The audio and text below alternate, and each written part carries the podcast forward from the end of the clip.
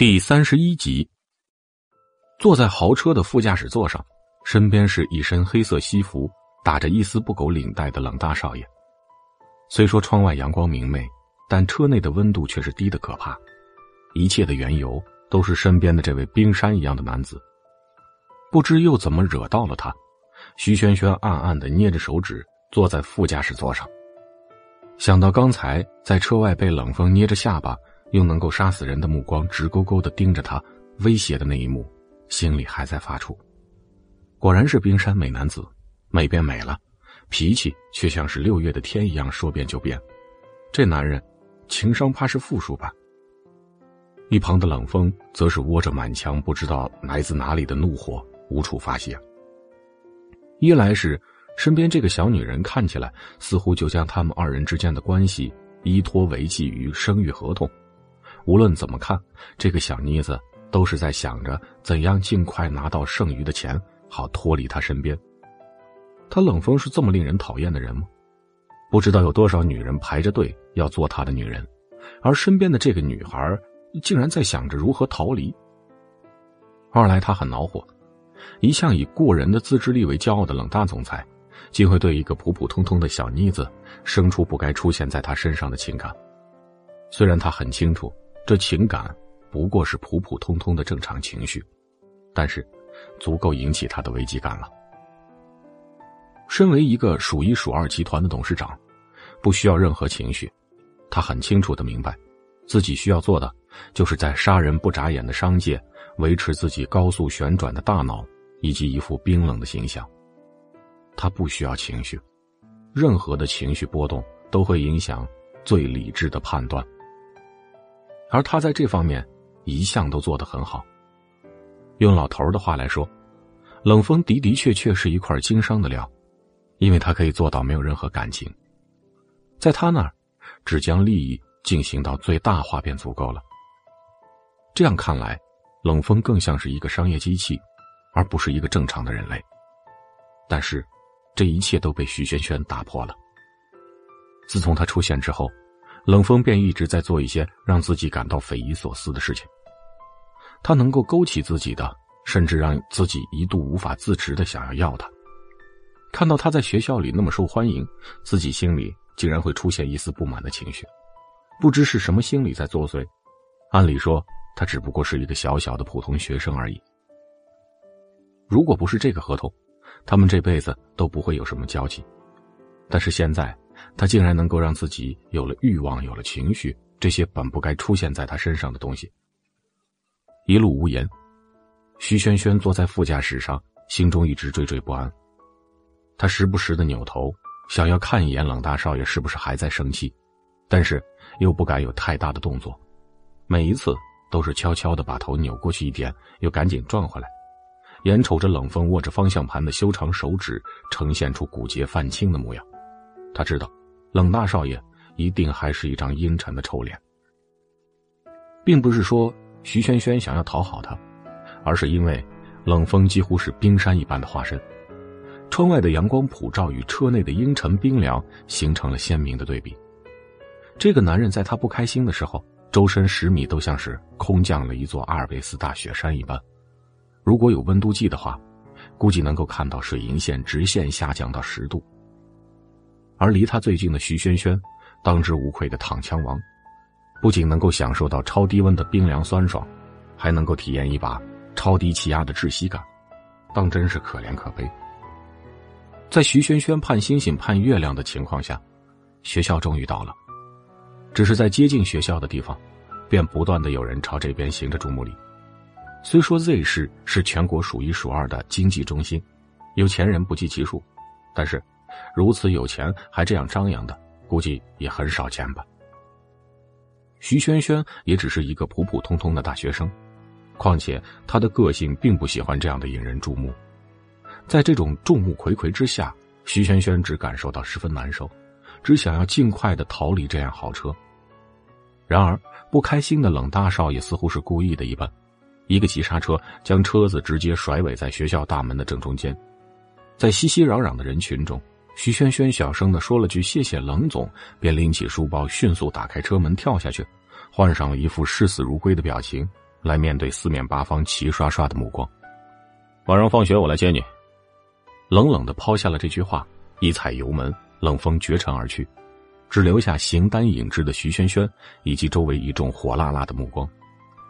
虽说徐萱萱很想将冷风痛骂一顿，但是迫于冷大少爷的淫威，害得他连碎碎念吐槽一下的念头都没有，只好在心里默默的为自己的处境长叹一声，然后咬牙切齿将手中的背包甩到后背上，拔腿就跑，留下了四周一众人对着这个看似柔柔弱弱，实则异常矫健的背影望尘莫及。眼见着跑出去几百米开外，徐萱萱这才气喘吁吁的停下。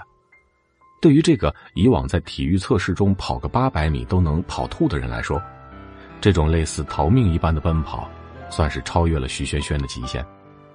好在前些日子周琼给了他大补一番身子，这副小身板似乎是没那么柔弱了。就在徐萱萱弯腰大喘几口气之后，刚刚支起身子，就感觉到身后呼呼生风，啪的一声，一个孔武有力的巴掌不偏不倚正中他的后背。刚刚挺起来的腰板瞬间被这一掌给击垮了。哎，小轩子，老远就看见你逃命一样瞎跑，被鬼追了还是怎么了？果不其然，背后站着的正是徐萱萱的好闺蜜齐乐。徐萱萱冲齐乐翻了一个巨大的白眼儿，苦笑着揉着自己的后背，呲牙咧嘴的对齐乐说道：“ 你呀你呀，真是毛毛躁躁、没轻没重的，刚才那一巴掌。”差点把我打去见阎王爷！一身牛仔背带裙打扮的齐乐，晃着调皮的马尾辫，冲着徐萱萱吐了吐舌头，嘿嘿一笑，顺手将小爪子攀上了徐萱萱的臂弯。我这不是看你这林妹妹一样的小身板，竟然能跑出一阵疾风来，有点惊讶吗？徐萱萱笑了笑，没有接话题，而是依偎着齐乐，两人说说笑笑，朝着教学楼走去。要是让齐乐知道冷风送他来上学，免不了又要多一番口舌。不过听着身边的女孩子明朗的笑容，徐萱萱感到了从冷宅带出的坏情绪似乎已经烟消云散，阳光依旧明媚如常。本集第三十二集。讲台上，头发花白的教授正在电脑面前不太熟练的摆弄着。讲台下稀疏的人群三五成群的坐在教室后面，偌大的教室竟然只有不到一半的人。被硬拉着坐到第一排的齐乐嘟起了嘴来，徐萱萱默默的叹了一口气。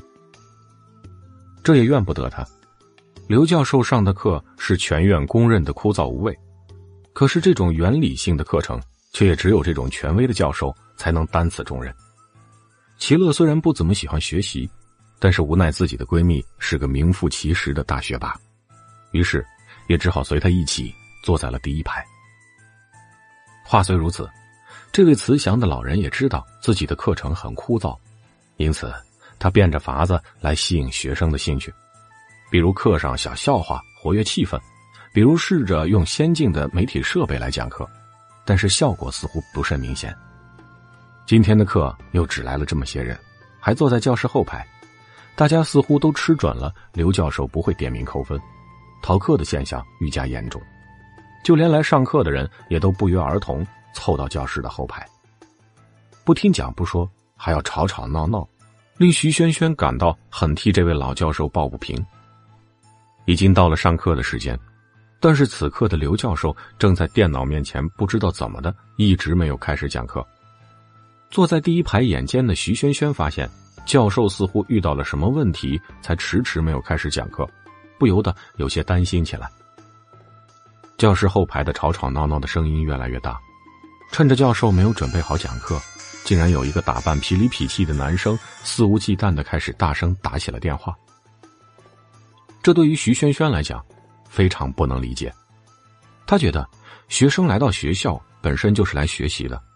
但是他总能看到这种花着家里的钱却在学校里边不学无术的人，这种家里辛辛苦苦供他上学却不被珍惜的人。每次见到他们，徐萱萱总是替他们的父母感到惋惜，同时心里也会有小小的委屈。自己没有好的家庭条件，只能在课余时间打工赚钱，不只要养活自己，还要给爷爷看病，可是这些人有吃有喝，花着家里的钱，却是成天混吃等死，简直就像是社会的蛀虫一样碍眼。但是他又有什么办法呢？别人有父母可以供他们生活挥霍，自己没有。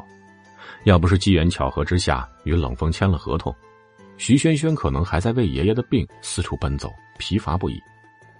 这么说来，自己好像还应该感谢冷风。不行不行，徐轩轩用力的摇了摇头。他们两个人分明是你情我愿，各取所需罢了。更何况，这是一出残忍阴暗的骨肉交易。冷风付出的仅仅是对于他来说并不重要的五百万，换来的却是他徐萱萱怀胎十月的亲生骨肉啊！最可怕的是，徐萱萱缺钱，他太缺钱了，所以才会被迫答应这个没有人性的冰山恶魔来替他生育。所以，他没有什么需要感谢冷风的。就在他胡思乱想的时候，一声怒喝在他耳边惊雷般响起，差点把他的魂儿都吓了出来。这里是课堂。不想上课就出去，别在这影响别人心情。顿时，原本乱哄哄的教室变得鸦雀无声，就连刚才那个打电话的男生似乎都被镇住了一般。所有人的目光齐刷刷的投向了徐轩轩旁边的齐乐。只见穿着洁白衬衫和纯蓝色背带裤，刚刚还巧笑倩兮的齐乐，此时却是怒目圆睁，伸出手指指着教室后面叽叽喳喳的人群。整个人散发着一种非比寻常的威严。徐轩轩目瞪口呆的看着身边一扫往常古怪精灵模样，变得十分严肃的齐乐，暗暗的啧舌。而教室后方原本叽叽喳喳的人群，此时都静了声，整个教室如履薄冰。良久，讲台处传来了一阵略显尴尬的咳嗽声。啊，很抱歉啊。因为我的原因没能准时让大家上课，让大家久等了。今天的电脑好像不是很好用，那我们今天直接板书。徐轩轩这才反应过来，似乎是刚刚教授有什么困难，才导致了课堂这样混乱。身边的齐乐终于一屁股坐了下来。齐乐刚想翻开面前的课本，就感到自己的胳膊被人顶了一下，扭头一看，徐轩轩正用一种。冒着小星星的崇敬目光看着自己，洛洛，四个字，干得漂亮！齐乐扑哧一声笑了出来，眉眼弯弯的模样十分俏皮可爱。他有些不好意思的说道：“虽然我也不爱上刘教授的课，但是我从来不扰乱课堂纪律啊！我，我还是很尊敬老师的。”旋即，他握紧了小拳头。嘴里发出了不满的哼唧声。我早看后面那帮家伙不爽了，成天不学无术，就知道在人眼前乱嗡嗡。尤其是那叫林泽勋的，成天就知道惹是生非，仗着家里有俩破钱还嘚瑟上了，以为谁都喜欢他。齐乐皱着小眉头，表情极其可爱。说起林泽勋，徐萱萱还是有些印象的。听说原本家境一般的他，这几年突然把 Z 市的生意做得挺大。上了某知名电视台的新闻头条，一时间，这个平日里普普通通、毫不起眼的林泽勋，一下变成了学校里众人皆知的人物。在他家里还没有富起来之前，徐萱萱曾经跟他接触过，只觉得那是一个有点腼腆、有点害羞的男孩子。但是自从林家暴富之后，林泽勋像是变了一个人一样，成天就知道成群结队、拉帮结派的在校园里面和四周闲逛。听说还时不时的打架惹事，最后都让家里拿钱解决了。你不要这么说啊！徐萱萱好看的眉头微微一皱。他其实以前挺好的，不知道为什么会变成现在这个样子。齐乐整张脸都拧了起来。反正我就是不喜欢他。看着齐乐耍小性子的样子，徐萱萱只好微笑作罢，下意识的回过头朝着林泽轩的位置看了一眼。却猛然发现后者也在看他，这种四目相对一下弄得徐轩轩有些不知所措，急忙移回了视线。总感觉林泽勋刚才的目光怪怪的。徐轩轩晃了晃脑袋，将目光重新聚集在了黑板上，认真听起课来。教室后方，嘿嘿嘿嘿，轩哥，轩哥，林泽勋身边不怀好意的声音响了起来：“哎，这小妞儿不错呀！”嗯，反击第三十三集。徐萱萱的感觉没有错，林泽轩的确是在看他，而且是直勾勾、火辣辣的那种。被身边的男生这么一说，林泽轩露出了一丝不易察觉的笑容。那是自己看上的妞吗？岂能一般？刘教授转身开始讲课，徐萱萱迅速进入学习状态，手中拿着笔，看着黑板的眼神无比专注。一旁的齐乐在前十分钟里还能够认真的听听讲。渐渐的，他便支持不住了，脑袋里开始转起了黑色的螺旋弯弯，上下眼皮开始打架，脑门也开始跟课桌做起了亲密接触。终于，咚的一声，齐乐直接趴在桌面上。徐萱萱无奈的看了一眼身边的齐乐，叹了一口气。虽然他也很困，可是他却强迫自己保持清醒。徐萱萱明白，自己现在没有时间可以用来挥霍。就连课堂上小小的走神都不能有，所以他才决定要按时上课、认真听讲，争取不落下课程。毕竟“知识改变命运”这句话依旧是他的治理座右铭，不，第二座右铭。排在第一的应该是“既来之则安之”。讲台上的刘教授丝毫不受台下学生多少的影响，依旧讲得十分专注入神。他身后的黑板上遒劲飘逸的板书。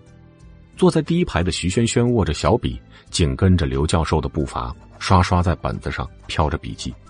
很多人都会将板书用手机照下来，再在课后整理，但是徐萱萱不，他养成了当堂记笔记的习惯，因为这样会让他保持清醒，也能让他记住很多老师没有在板书上写，但是会用讲授的方式提出的知识点。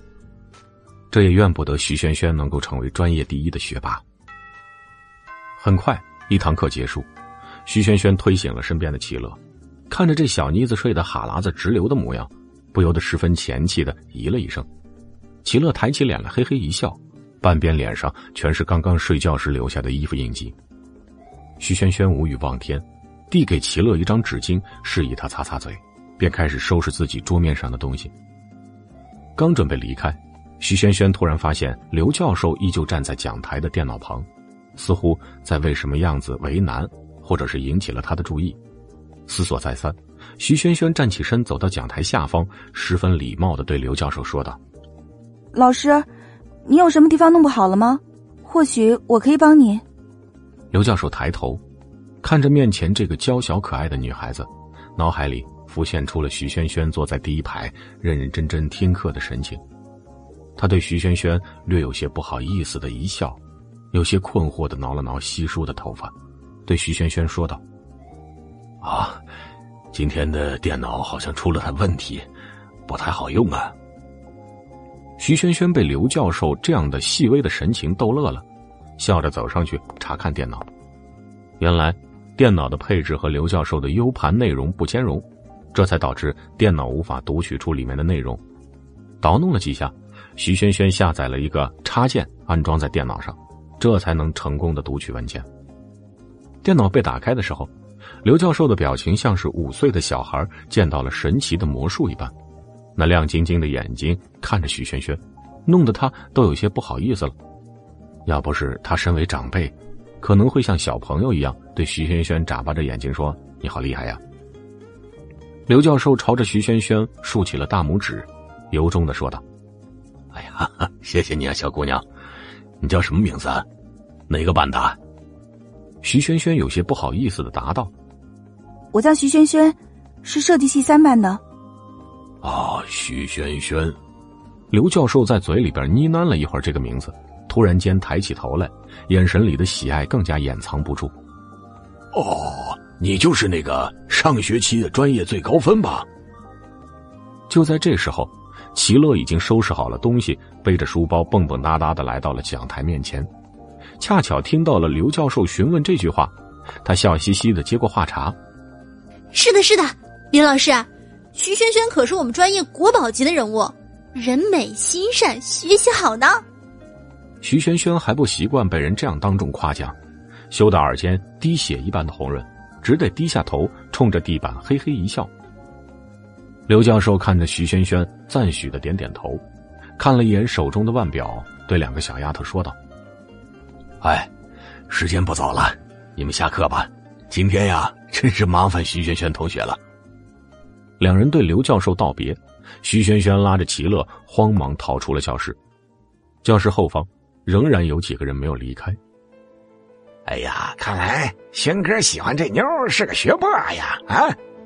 林泽轩身边的一个男生啧啧称奇，坐在林泽轩身旁的是一个略显浓厚妆容的女孩。她听闻此言，有些不满的撇了撇嘴巴，朝着徐萱萱离开的方向抛了个白眼儿。哼，我说轩哥心心念念的人是谁呢？原来是那个徐萱萱啊！她有什么好的？又丑又矮，不会打扮，不会化妆，我看也就只会死学习吧。模样倒是挺清纯的，可是就不知道私底下什么样了。林泽勋身边的男生露出了猥琐的笑容。张小巧，这就不知道了吧？男人就好这口，尤其是那种表面清纯的不得了的那种，看起来矜持，私下里反差极大。这种极品，想想就让人兴奋。猥琐男生还想说下去，却看到林泽勋越来越难看的神色，及时止住了嘴巴。林泽勋面色阴翳的盯着眼前这个男孩，一字一顿的说着：“李维，我劝你最好别打他主意，不然没你好果子吃。”名叫李维的男生涨红了脸，旋即狠狠的扭过头去，呸了一声：“老子对这妞可没兴趣。”一旁的赵巧巧见势不妙，急忙攀上了林泽轩的胳膊，娇笑道：“勋哥，上课太无聊了。”要不然我们下课去打台球吧。林泽勋瞥了一眼身边这个在自己胳膊上蹭来蹭去的女生，脑海里冒出的竟然是徐萱萱曾经面对他时巧笑倩兮的模样。顿时，林泽勋对身边这个女生产生了一种浓浓的厌恶。他一把推开了身边的赵巧巧，皱着眉说道：“留远点。”说罢，便站起身来，一言不发的朝着教室门口走去。李维则是发出了冷笑声：“呀，怪不得那家伙不喜欢你，像你这种一个劲儿的往他身上倒贴，就是热脸去贴冷屁股，他看不上你。”切，他的心里只有那朵白莲花。一旁的赵巧巧撇了撇嘴巴，一边小声嘟囔着，一边收拾着杂乱的桌面，挎起了背包，挎在身上，朝着林泽勋的方向追了过去。本集。第三十四集，被徐萱萱拉着的齐乐一边嘿嘿笑着，一边暗暗的示意徐萱萱：“我觉得刘教授很喜欢你，怎么样？要不要考虑巴结巴结他，做他的学生？据说他的学生都很厉害的呢。”徐萱萱抚了抚额头，用食指戳了一下齐乐的小脑袋瓜：“哪有这么容易啊？刘教授又不是我们专业的，这种事情。”还是等再过两年吧。反正我还挺喜欢教授这种老师的，我觉得他像我爷爷，和蔼可亲，脾气好。最关键的是，齐乐嘿嘿一笑，他不会挂人。徐萱萱撇了撇嘴巴，你喜欢他，那你为什么还要在他课上睡觉？被这样一问，刚刚还一副鬼头鬼脑打趣徐轩轩的齐乐，顿时耷拉下脑袋。就连活泼的马尾辫都默默的垂了下来。那也不能怪我呀，他讲的课实在是太枯燥了，好不好？也就我家小轩子能老老实实听课，那什么乱七八糟的美学原理啊什么的，光听着“原理”两个字儿，我脑袋都要炸裂了。齐乐愁眉苦脸的吐槽着：“真的，小轩子，说实话，我真觉得你的屁股就像被钉子钉在了椅子上一样。哎，对了。”一定还有个长绳子，从天花板上垂下来，拴住了你的脑袋，要不然你是怎么坐在那里稳如泰山的嘛？徐萱萱在心里暗暗的叹了一口气。齐乐说的的确是事实，刘教授的课实在是太过枯燥，所以才使得那么多的学生都不愿意上他的课。可是他真的很尊敬刘教授，不只是因为他对学生很好，更是因为他作为一名师者，将自己传道授业解惑的义务当做自己的职责，兢兢业业、一丝不苟的教学。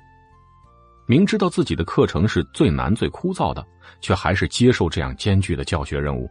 为了变着法子想让学生听讲，甚至抛弃了自己的一贯板书，不得不硬着头皮熟悉使用着自己不擅长的 PPT 和课件。一边走着，一边想着，齐乐突然将手举起来，指向前方。哎，看，那是不是刘教授？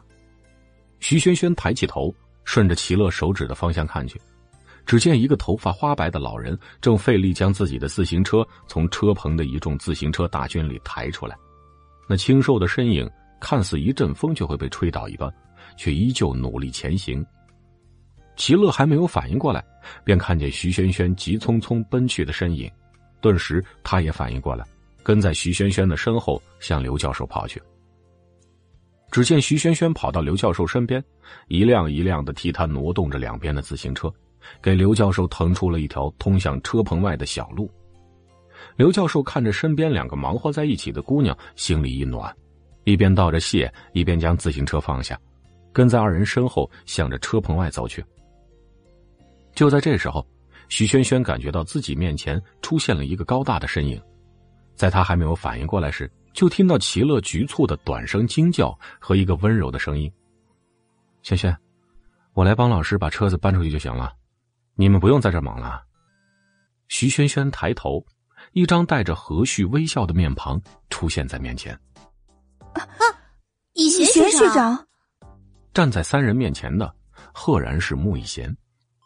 他把手中的一沓资料交给徐轩轩：“来，轩轩，你帮我拿着资料，走出去等我就好了。”说罢，他伸出修长的手臂，接过了刘教授手中的自行车，轻松举在头顶上。等到徐轩轩和齐乐两人走出了车棚，穆以贤迈着大长腿，轻轻松松的穿越在一众的自行车大军里，终于将车子成功挪了出来。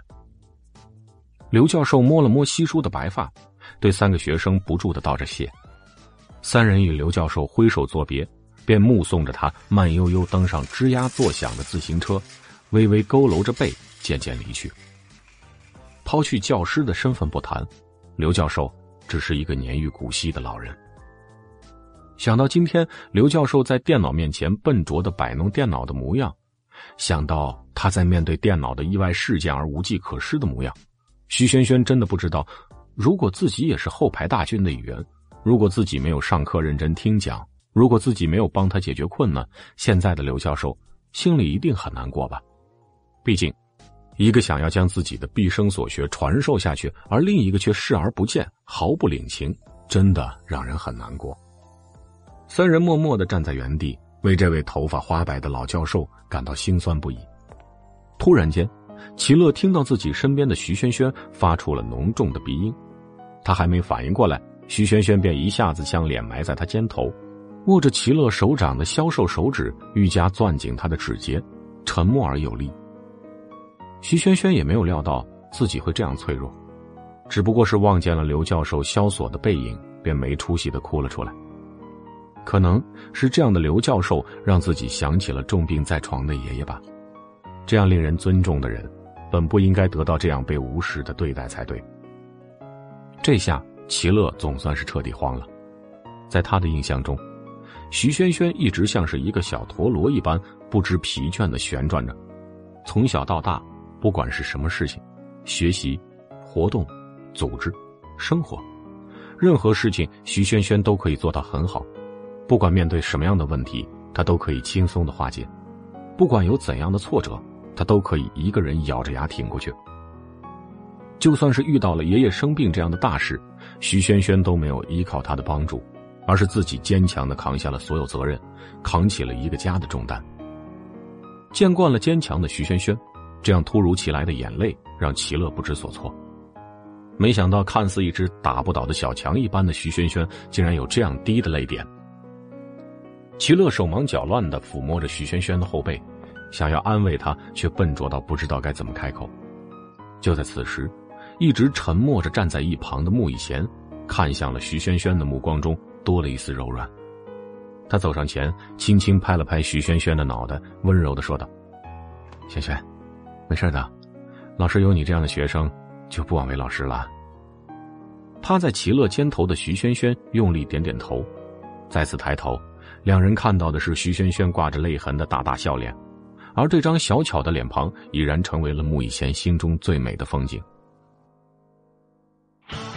本集第三十五集。哎，去摄影协会吗？徐轩轩接过了齐乐递来的纸巾，一边擤着鼻涕，一边歪着脑袋看着面前一脸和煦微笑的穆以贤。这般的天然萌一样的小小动作，让穆以贤心中微微一动，不由自主的感慨着面前这个小女生怎么这么可爱。可是，可是我一会儿还想去图书馆复习。徐轩轩为难起来。此时，穆以贤的目光却是无比诡异的飘向了徐轩轩身边的齐乐，那个眼神似乎在向他传递着什么信号。齐乐像是忽然想起什么似的，下意识摸了摸自己的包。那里面还放着某个淡淡的西草色的信封，自己好像忘记了把信封交给徐轩轩了。看着齐乐惊变的神色，穆以贤便知道这小妮子怕是又忘记了自己嘱托的事情。看到他如此神色，齐乐乌黑的眼睛滴溜一转，顿时计上心来。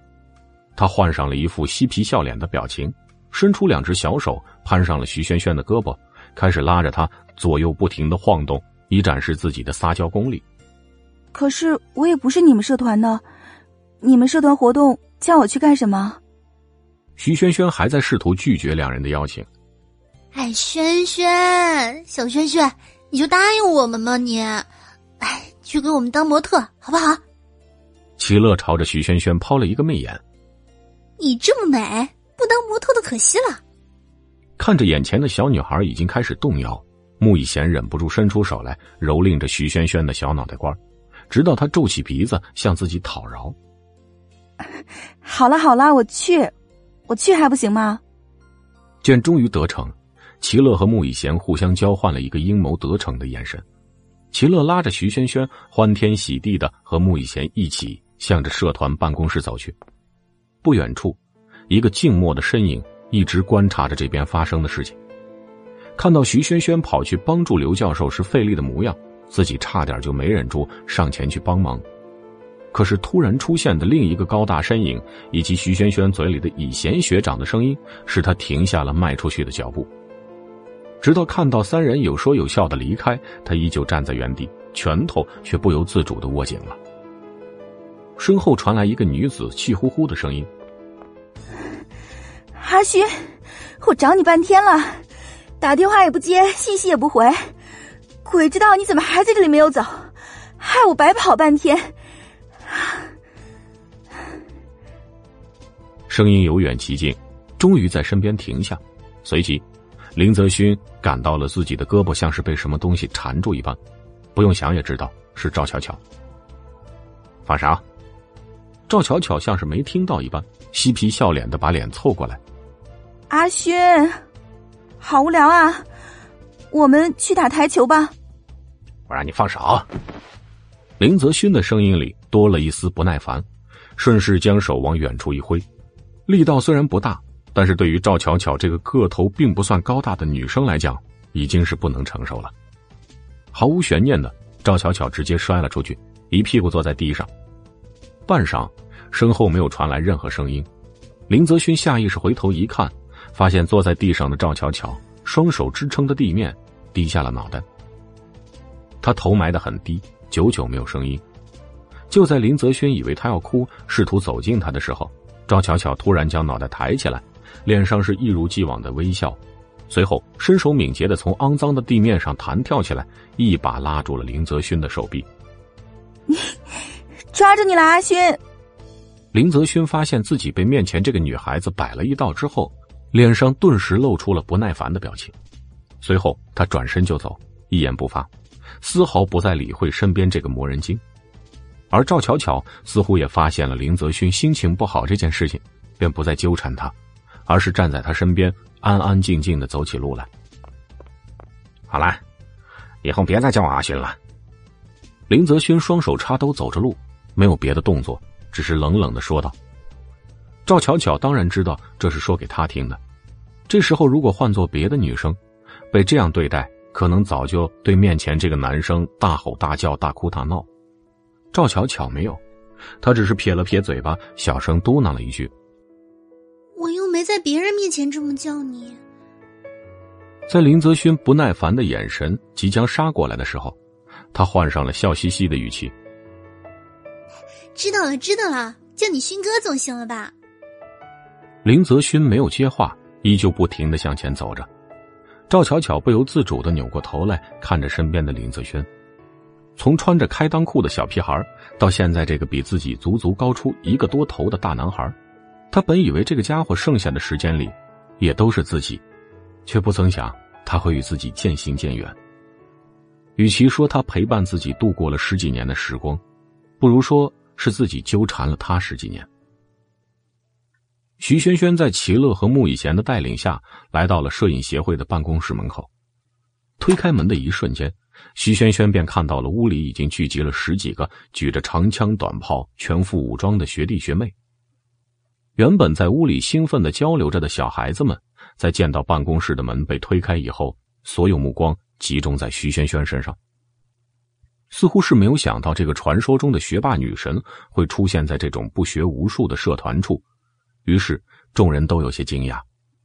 徐萱萱则是没见过如此大的阵仗，就像是来到了某个时尚品牌的发布会一样，第一次被这么多的摄影器材包围着，有些小小的惊讶和一抹羞怯。一个来自没见过世面的、只专注学习的人的羞怯。就这样，偌大的办公室里竟然有一时间的寂静无声。徐萱萱身后忽然响起了穆以贤富有磁性的温柔声音：“啊，大家都到场了，看来是我来晚了，抱歉啊。”随后，徐萱萱感到自己的肩膀被一双温暖的手掌轻轻的覆盖。这是你们的徐萱萱学姐。被称为设计学院的学霸女神，今天她是我们的特邀模特。穆以贤的声音充满了令人放松的亲和力，所以呢，我们大家来小小的欢迎一下吧。几句话便驱散了空气中略显尴尬的安静气氛，所有人都笑着鼓起掌来。有女孩子羡慕的说：“哇，学姐好漂亮！”甚至有胆大的小男生带头轻轻的吹了一声口哨。会长眼眼光太棒了，徐萱萱感激的看了一眼穆以贤，有些不好意思的对大家轻轻的一鞠躬，随后面带微笑的向大家打着招呼，大方得体，姿态放松，很快就融入了气氛。本集第三十六集，穆以贤看着徐萱萱在一众人的包围下，依旧轻松大方的模样。不由得感到，这个女孩子在他心中变得更加的完美起来。学姐，学姐，能不能告诉我们一些高数的诀窍啊？萱萱学姐，我想找你拍一套古风外景，嘤嘤嘤，好久没遇到你这么合适的模特了啦！哎，学姐学姐，你有男朋友了吗？徐萱萱像是一个国宝一样被大家围起来，在一个接一个问题的轰炸之下，她不得不面对这帮热情过头的家伙们。也是颇感无奈。哎呀，好了好了，都去拿好自己的装备，我们要出发了啊！作为副会长的齐乐招呼着大家，并且一脸鄙视的看着围在徐萱萱身边的小崽子们。当初我进社团，怎么也没看见你们这么激动啊！见色忘义的家伙们。毕竟大家混的都很熟了，几个小学弟鄙视的看了一眼齐乐。哎，年纪一大把了，还穿成这样装嫩，我们为啥要激动啊？随后，众人选择无视了愤怒跳脚的齐乐，按住躁动的齐乐。穆以贤伸出手来击了几次掌，办公室里这才安静了一些。齐乐学姐说的很对，萱萱学姐很忙的，好不容易抽出时间来配合我们的活动，你们要抓紧时间啊，免得耽误了人家正事儿。所以呢，大家尽快做好准备，我们准备出发吧。听了会长发话，一群人才作鸟兽散。纷纷开始整理自己的东西，扛起自己的装备，不出一分钟便排好了队形。所有人表现出了一副整装待发的模样。徐萱萱心里默默的感慨了一下穆以贤的号召力，没想到看起来这样温柔、好脾气的学长还能这么让人信服。就这样，摄影协会的一众学员扛着各类器械，浩浩荡荡行走在校园里，一路上引来了不少好奇的、围猎的目光。在路上，穆以贤给徐萱萱详细介绍了一下他们即将进行的拍摄活动。原来，最近学校的社团联合会想要举办一个百团大展，顾名思义，就是全校所有社团都会参加的一个活动。由于这次活动规模庞大，所以一定会有很多学校里的学生前来参观。这是个招贤纳士、壮大协会的绝好机会，所以穆以贤十分看重这次活动。今天就大张旗鼓的带领着全部协会的会员一起采集风景，准备拍摄一组摄人心魄的宣传片。如果活动办得好，得了奖杯的话，是会给我们的简历加分的哦。你来参加这个活动，万一得奖了，你当然也会分一杯羹。齐乐笑眯眯的诱惑道：“这种活动的奖杯还是很有分量的，尤其是对于即将准备考研的以前学长来讲。”呃，所以。我今天是来干什么的呢？徐萱萱看着这一帮兴致高昂的小孩子，迟钝的说道：“你们可是来拍风景的？”齐乐突然间露出了诡谲的笑容，一只温暖的手掌覆盖上了徐萱萱的肩头。因为你的突然加入，所以我们决定拍摄一组以你为主角的宣传片。穆以贤的微笑。足以秒杀周围的一切郁郁葱葱的风景。齐乐在旁边像是小鸡啄米一般拼命点头，伸出一只手拍在了徐萱萱另一边肩头，附和道：“对呀对呀，校园学霸女神，光是这个主角光环就很有看头了。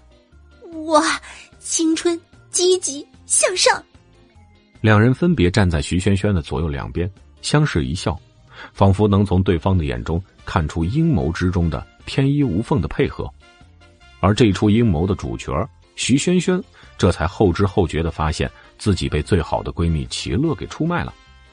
所以说，你们两个早就计划好了吧？徐萱萱的表情生动起来，听到声音之后，回过头来的学弟们顿时泛起了花痴。学姐生气了，好可爱呀！徐萱萱急忙收回表情，却是已经来不及了。只好傻乎乎的冲大家嘿嘿一笑，再一回头，就看到穆以贤如沐春风一般的微笑，以及齐乐大小姐眨巴着眼睛对自己卖萌的模样，只好深深的叹了一口气。到达目的地，徐萱萱发现，原来这里正是学校后湖处一片郁郁葱葱的树林，这里有大座的假山、湖泊以及几座上了年纪的石亭。徐萱萱感觉自己好久没在这种轻松的环境下畅快的呼吸了。这里没有夜来香里纸醉金迷的混沌迷乱，没有脾气古怪的冷风，没有残忍的骨肉交易，没有医院里刺鼻的消毒水的味道，也没有天价的医疗费用。在这里，无需看人眼色，无需小心翼翼，无需阿谀奉承，有的只是一副副纯真活泼的面孔和周遭令人心旷神怡的环境。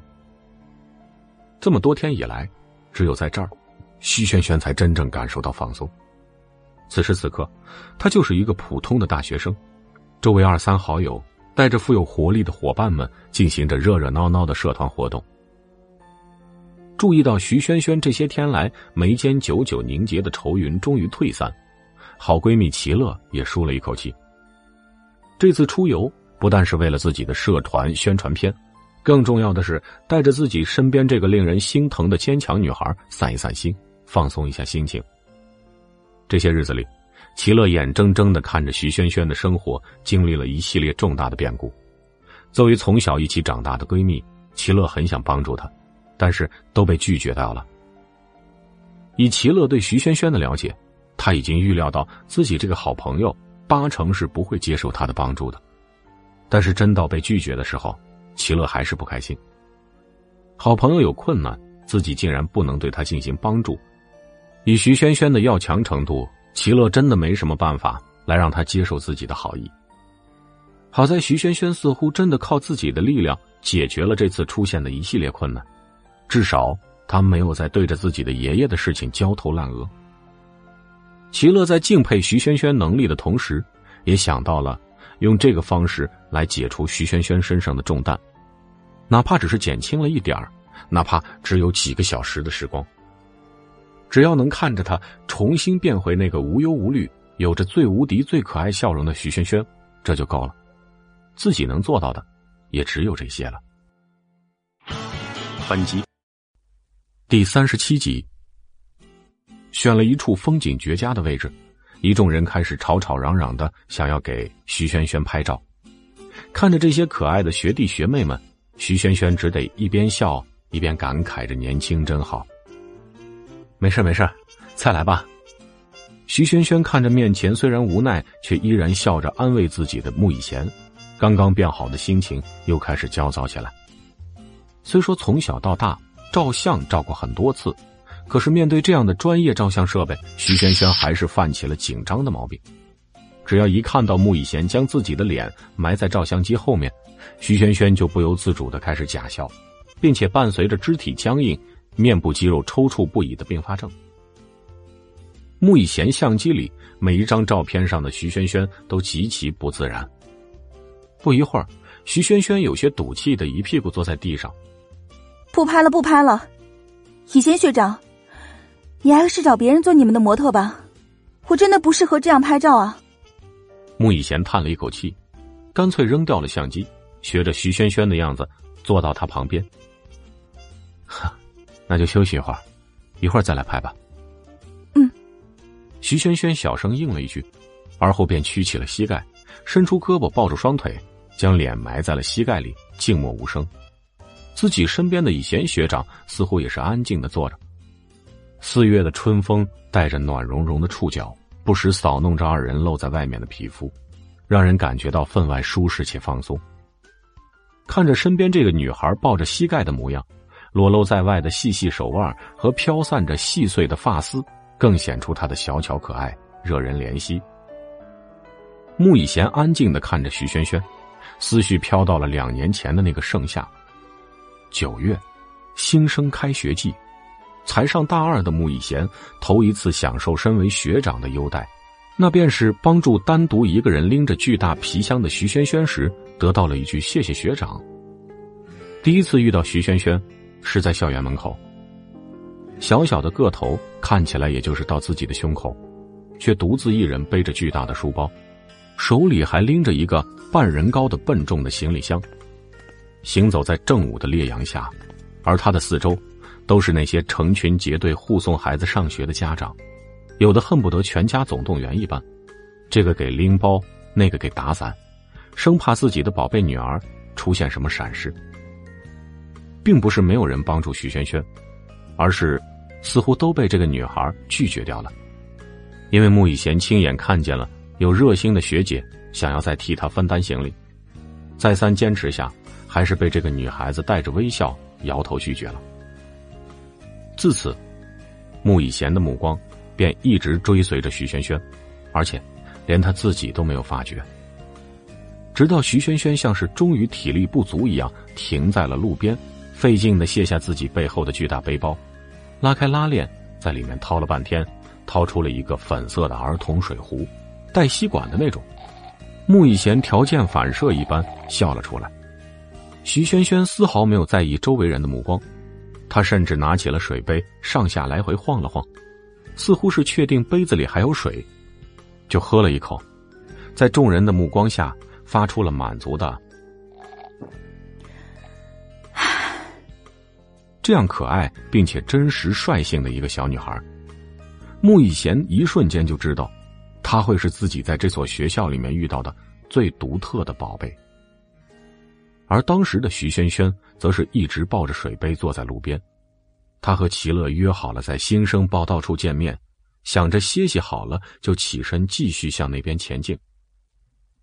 就在他正享受着短暂的休息时间时，突然感到自己似乎被笼罩在一片的阴影里，抬头就发现自己的身边多了一个高高瘦瘦的身影，白衬衫，黑色短裤。加上白色的帆布鞋、棒球帽，一头清爽的短发和一张干净的脸庞，带着丝丝令人无法抗拒的温柔笑意。徐萱萱只看到他缓缓的蹲在自己面前，同学，你是今年的大一新生吗？富有磁性的嗓音和温柔的语调形成二次攻击，徐轩轩只感觉自己面前这个人似乎带着某种令人幸福的魔力一般，让人忍不住想去亲近。于是他乖乖的点点头。但是徐轩轩的心里还是设好了防线，男色虽诱人，自己也要秉持原则，完成自己的开学任务，独立自主，不到万不得已的时候，就不需要别人的帮助。谁知道接下来，男生并没有说出“让我帮助你的”这种话，而是带着完美的微笑抛出了一个问题：“我能借用一下你的行李箱吗？”嗯，竟然不是要帮助，而是寻求帮助的，那没关系。于是徐轩轩爽快的点了点头。蹲在徐轩轩面前的穆以贤嘴角微微上扬，露出了一丝不易察觉的坏笑，随后。他像是变戏法一般，从身后拿出了一个巨大的纸箱子。哼，我想借用一下你的行李箱，驮着这个箱子送去新生报道处。这一下轮到徐轩轩傻眼了，这么大一个箱子，光是自己拉着行李箱就费劲，还要加这么一个箱子，拼了老命恐怕也拉不过去。面前这个男生一边将纸箱子架在行李箱的拉杆上。一边对着徐萱萱露出了让人不忍拒绝的神情，学妹，拜托了。徐萱萱算是明白了什么叫搬起石头砸自己的脚，可是已经答应他了，总不能食言吧？一咬牙，一跺脚，徐萱萱豪气万丈的拍了拍大腿，嗖的一下站起来，接过穆以贤手中的拉杆，然后背起了自己的大书包，迈开了第一步。哭嚓，箱子掉了。徐萱萱看着站在一旁的穆以贤，暴汗。最终，等在学生报道处的齐乐看到的是这样一幕：穆以贤一只手轻松的拎着一个驮着大纸箱的行李，健步如飞；身边的徐萱萱脖子上挂着一个卡通的儿童水壶，背着大背包跟在他身后，表情忧愁的像是便秘一样。反正，我也算是帮助了他。那么。他帮我拿箱子这件事，就可以抵消了吧？走到报道处的门口，穆以贤卸下了纸箱，将行李箱还给了徐萱萱，径自走进了报道处侧面的工作人员休息室。他一屁股坐在了休息室的椅子上，随手拧开了一瓶矿泉水，扬起脖子，咕嘟咕嘟的向喉咙里灌了水，目光却是一直盯着敞开的房门，直到视线里出现了那个娇小的身影。穆以贤摸了摸下巴，唇边出现了狡猾的笑意。临走前，他对那些人说道：“哎，那边的纸箱，记得替我搬回学校门口啊。”本集第三十八集。抱着膝盖没有动静的徐萱萱，心里懊恼自己拖了学长的后腿。从第一次与以贤学长见面，一直到现在，徐萱萱就处在对他的崇敬之中。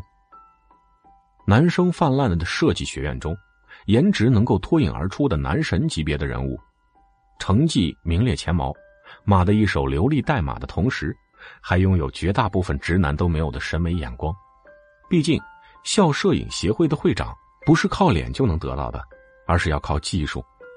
他很庆幸自己能够认识一个这样优秀的人。上大学之后的这两年，以贤学长帮了自己不少忙。他一直是如此优秀的存在，似乎在他面前没有什么办不好的事情，结果，竟然栽在了他这个临时模特上。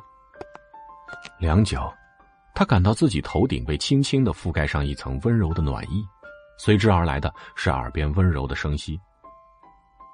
没关系的，轩轩。穆以贤的声音带着一丝丝柔润的甜，我们慢慢来，总会克服困难的。徐轩轩没有说话。只是用力的点头，不远处传来齐乐活力十足的声音。刚刚被派出去取景的学弟学妹们已经回来了。此时，回来看着那些小家伙们在齐乐的带领下，任务完成的还不错。这样一来，徐萱萱似乎重新有了一点活力来进行接下来的拍摄。齐乐远远的看到两个人安静的并排坐在草地上，对此情况了然于胸。他拉住了想要过去找他们的小家伙们，为他们安排了别的工作。看来好事将近了。齐乐远远的看着二人的身影，嘿嘿傻笑。在穆以贤耐心的指导之下，徐萱萱已经放松了很多。尽管最终拍摄出来的效果还是没有达到徐萱萱自己的预期，但是相比最开始，的确有了很大的进步。就在此时，穆以贤的取景框里忽然出现了一抹不属于景色的黑色。穿着一件黑色外套的林泽勋出现在二人面前，林泽勋身边满脸不乐意的赵巧巧：“徐萱萱，你加入摄影协会了吗？”正对镜头的徐萱萱没有看到林泽勋，所以听到这突如其来的声音时，他吓了一跳，扭头一看，竟然是他。见到两人突然出现，徐萱萱有些局促，不知道该怎么打招呼。按理说以前他们的关系不错，但是自从林泽勋的家里出现了变化，他像是变了另外一个人，徐萱萱便很少与他有什么交集。尴尬的一笑，徐萱萱说道。没有，今天特地帮助学长拍宣传视频呢。帮助学长，林泽轩暗自不爽，看来他们关系真的很好。啊，是百团大战的宣传视频吗？啊，是的。穆以贤放下了手中的相机，有些警惕的盯着这个看起来和徐萱萱关系不一般的男生。你有什么事情？林泽勋上下打量了一圈穆以贤。紧锁的眉头表露出他的不满，随后他没有理会穆以贤，自顾自的上前想要拉住徐萱萱的胳膊。哎，你过来，我有事情对你说。徐萱萱下意识的后退一步，扭过头为难的看着他。就在此时，穆以贤将手中的相机挂在脖子上，迈开长腿，大步流星的走向徐萱萱的位置。不好意思啊，我们协会正在进行拍摄活动，麻烦你们有什么事情。等我们活动结束了再说好吗？一边说着，穆以贤扶住了徐萱萱的肩膀，不动声色的将她护在自己身后。林泽勋注意到穆以贤这个动作，不悦的情绪在眼中逐渐堆积起来。我在和徐萱萱说话呢，关你什么事儿？穆以贤皱了一下眉头，不打算跟他做过多的纠缠，而是干脆转身对徐萱萱说道：“我们走。”说罢，他拉起徐萱萱的胳膊，准备离开。我就是想告诉你们，百团大战的评委里边有我。原本准备掉头就走的徐萱萱，顿时停下了脚步，转过头，不可置信的望着林泽勋：“怎么可能？难道你是校里的学生会长？”面前的这个家伙双手插兜，黑色牛仔外套耷拉在身上。吊儿郎当的模样，怎么看都不像是厉害的学生干部。哼，谁稀罕当个破学生干部呀？林泽勋依旧是一副吊儿郎当的语气。我们家是这次活动的赞助商，我想要当个评委，哼，那岂不是很简单的事情？听闻此言，徐萱萱的心里顿时升起了一抹震惊。都说大学是半个社会，这下，徐萱萱算是真正体会到了。平日里见惯了普通学生，过惯了普通生活，不曾想，原来看似淳朴的校园里，也有这样令人作呕的金钱交易。这个活动的隆重程度不言而喻，就连他这个很少参加娱乐性活动的人，一直都处于两耳不闻窗外事那种，都得知了这个活动，可见其有多重要。这样的活动分明应该是展现实力的舞台，可是。听林泽勋的语气，似乎变成了可以用金钱来掌握、有巨大黑幕的活动。这样的黑暗赤裸裸的暴露在自己面前，徐萱萱忍不住替自己身后辛辛苦苦忙碌的穆以贤感到不公平。还有，林泽勋他什么时候变得这样令人感到不舒服的呢？想起以前那个腼腆却善良的男孩，徐萱萱皱起了好看的眉头。穆以贤的心里也是震惊的。身为学生会的干部，就连他这样优秀的人都没有资格参与活动的选评工作。据穆以贤所知，这次活动的评委基本上都是各个学院的权威人物，至少都是院士、教授级别的。学生干部少得可怜，能去的应该只有学校四大组织的会长罢了。自己面前这个，一看就是不学无术、吊儿郎当的男生，竟然可以这样轻松就成为评委。穆以贤握紧了拳头，徐轩轩皱着眉看着面前这个已然完全变了一个人一样的林泽勋。所以呢？面前的林泽勋露出了阴谋得逞的微笑。你们不是想得第一吗？本集第三十九集。徐萱萱的身躯微不可察的轻轻一震，得第一吗？齐乐都说了，这次活动十分重要，如果得了名次，自己倒是另说，这些学弟学妹们都能得到不少的好处。最重要的是，以贤学长正处在升学的关键时期，如果这次比赛能够得到第一，对他来说是个绝佳的机会。这样一来，就能给他的升学带来很多好处。在面对考研这个怪兽的时候，不说别的，他手上的筹码会重一些。这个人应该没有上过大学，社团活动不会影响考研。想得第一，条件很简单。林泽勋见到二人的表情时不时的变化着，嘴角渐渐的浮现出一抹不易察觉的笑容，因为他知道自己的话起到了作用。答应和我交往，徐萱萱。徐萱萱抬起头，看着面前这个吊儿郎当的男生，身躯微微颤抖起来。林泽勋喜欢他，他早就已经有所察觉。毕竟这小子还没有变成这样之前，徐萱萱跟他还算是好朋友。只不过自从林家一夜暴富之后，林泽勋渐渐的变得颓废不已，两人渐渐疏远，再无交集。只是没有想到，在他没有跟他接触的这段时间。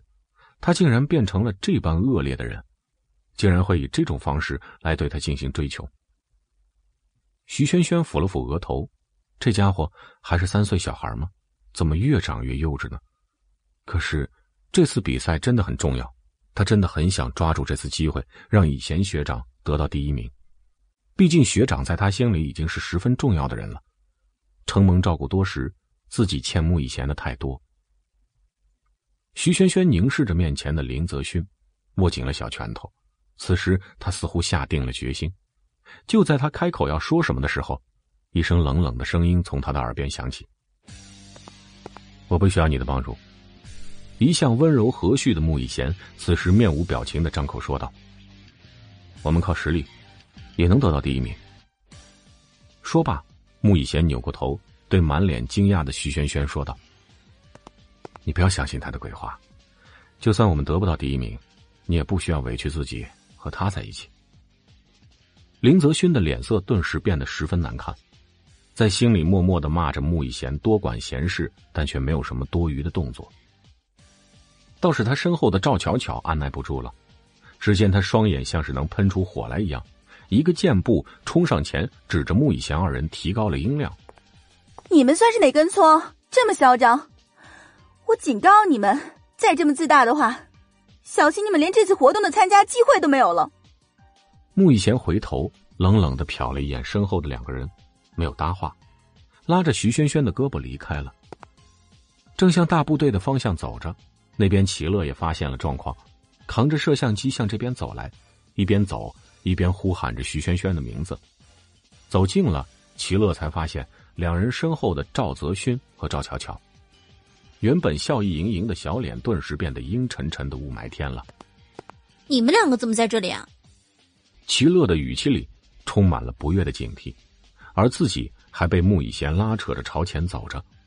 徐萱萱不得已，只好匆匆对林泽勋说道：“不好意思啊，我不能答应你。再见。”看着三人离去的背影，赵巧巧气愤的自言自语：“真是的，仗着自己学习好。”好学生都这么拽的吗？林泽勋则是紧紧的盯着穆以贤拉住徐萱萱的那只手，暗自握紧拳头。随后，他内心涌上了深深的懊恼：自己怎么没忍住，就这么跟他说出来呢？原本，原本是要好好和他表白的。看着徐萱萱远去的背影，一向吊儿郎当、无所畏惧的林泽轩有些难过，想必是被他讨厌了吧。一旁的赵巧巧还在嘟囔着说什么，却突然发觉自己身边的男孩子已经沉默了很久。他扭过头，瞪大了眼睛。原本比任何时候都神采奕奕的这个人，此时像是被抽干了精力一般，看起来像是失去了什么重要的东西。他呆立在原地，眼神空洞而无力。赵巧巧看着身边的男孩，自己和他认识这么多年，这是第二次在他脸上看到这样悲伤的表情。第一次是在林泽勋奶奶的葬礼上。什么嘛！齐乐瞪大了眼睛，嘴巴张成了大大的 O 型。那个林泽轩，竟然这么跟你表白，这也太奇葩了！他把你当成什么了？为名利牺牲尊严的人吗？真是气死我了！徐轩轩看着面前愤怒的齐乐，连忙摸了摸他的小脑袋。没事啦，没事啦，我又没有答应他，乖，不生气哦。齐乐不爽的晃晃脑袋。真是的，这个人怎么能这样呢？他当谁都喜欢他家钱啊？徐轩轩收回胳膊，叹了一口气。其实他以前不是这样的，不知怎么回事，就变成现在这个样子了。一旁的穆以贤静静的看着徐轩轩和齐乐，脑袋里却在思索着刚才林泽勋说过的话。他们当然想得第一了。穆以贤微不可察的拧起了眉头。自己早就看好了一所很不错的学校，想要申请保送，申请保送的时间也已经很接近，奈何自己的简历还差一些有分量的奖项，就像是为他而创造的机会一般。百团大展说来就来，这次大展算得上是一个重量级的比赛，如果得了第一名，可能就有八成的把握可以保送了。可是。想到林泽勋刚才的样子，自己似乎是把他得罪了。如果他真的会成为评委，自己还怎么夺第一？原本这是一个绝佳的机会，以自己的能力应该可以把握得住。然而自己还没有在开始就已经输掉了。徐萱萱这个小丫头，还真是让人不省心啊。当时看林泽勋像是逼迫着向徐萱萱表白的。还以自己的奖项为筹码来要挟自己，自己当然看不过去了。那时候自己心里只有一个念头：他喜欢了两年的姑娘，怎么能被别人抢走呢？反击第四十集。哼，还好以前学长在场，要不然你都不知道被那个不要脸的怎么威胁了呢。齐乐依旧在碎碎念着，除了表达对林泽勋的不满。还想趁机为穆以贤争取印象分，奈何徐萱萱并没有听出自己闺蜜的小小心思，她的心绪飘到了很久以前，那时自己刚刚和林泽轩认识，那是全部大一新生第一次聚集在一起的时候，林泽轩认识的第一个人应该就是徐萱萱。当时偌大的教室里，所有人三五成群的聚在一起聊天，唯独林泽轩坐在教室的角落里。眼神落寞的看着四周的人群。徐轩轩看着这个男生的时候，他恰巧也注意到了他。两人四目相对之时，林泽勋竟然害羞的低下头，随即像是什么都没有发生过一般，将视线移向了别处。徐轩轩没忍住笑出来，随后他感觉到自己身边多了一个探过来的脑袋，好奇的声音响了起来：“怎么啦？在笑什么？”徐轩轩吓了一跳。回过头，看见身边的齐乐正笑眯眯的看着自己，便伸出手来弹了齐乐一个脑瓜崩。哎呦，你居然在看小男生！齐乐捂住自己的脑门，顺着徐轩轩的目光看过去，发现那边坐着的林泽勋鬼叫了起来。齐乐的嗓门可不小，这么一说话，周围的人都好奇的看向了林泽勋。这下可好了。原本刚刚就有些脸红的林泽勋直接招架不住，在周围人的视线下如坐针毡，最后竟然直接站起来，一言不发的走出了教室。咦，怎么跑了？看着林泽勋落荒而逃的背影，徐萱萱不知道这个男生怎么会这么害羞。正巧齐乐似乎又开始咋咋呼呼，他便伸出手来捂住了齐乐的大嘴巴，无奈的说了句。你呀，你呀。不过，他为什么自己一个人呢？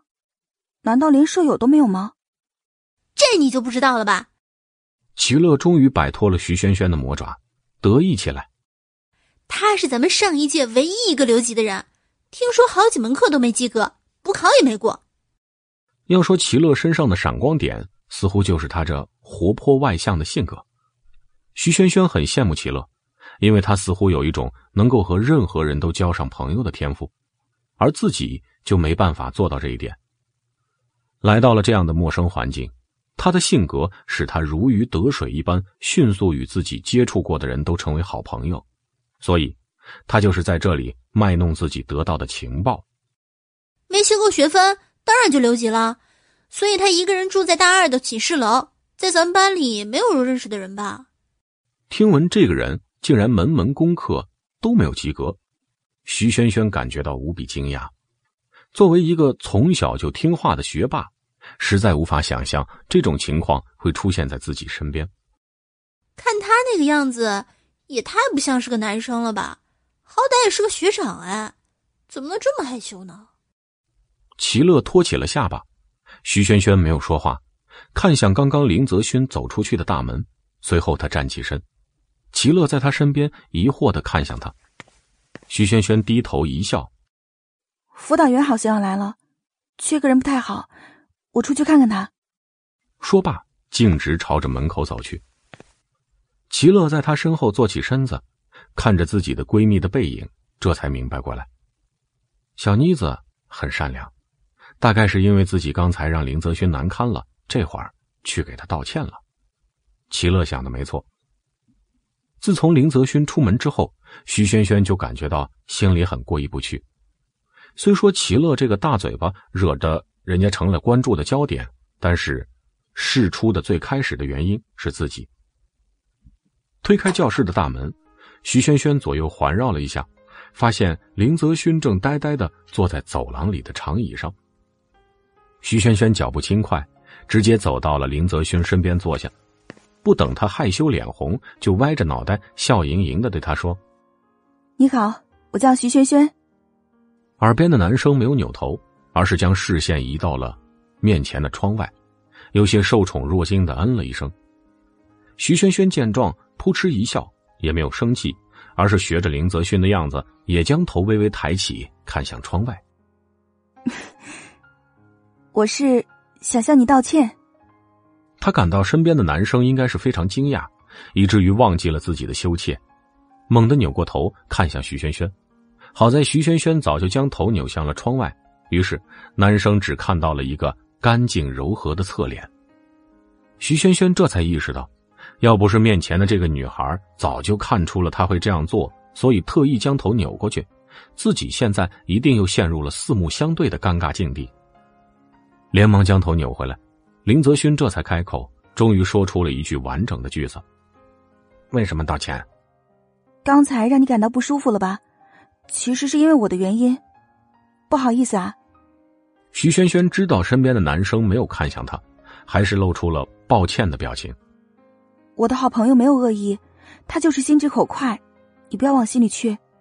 身边的男生很害羞，所以自己要说的话简明扼要就好，不然还会让他感到不适的。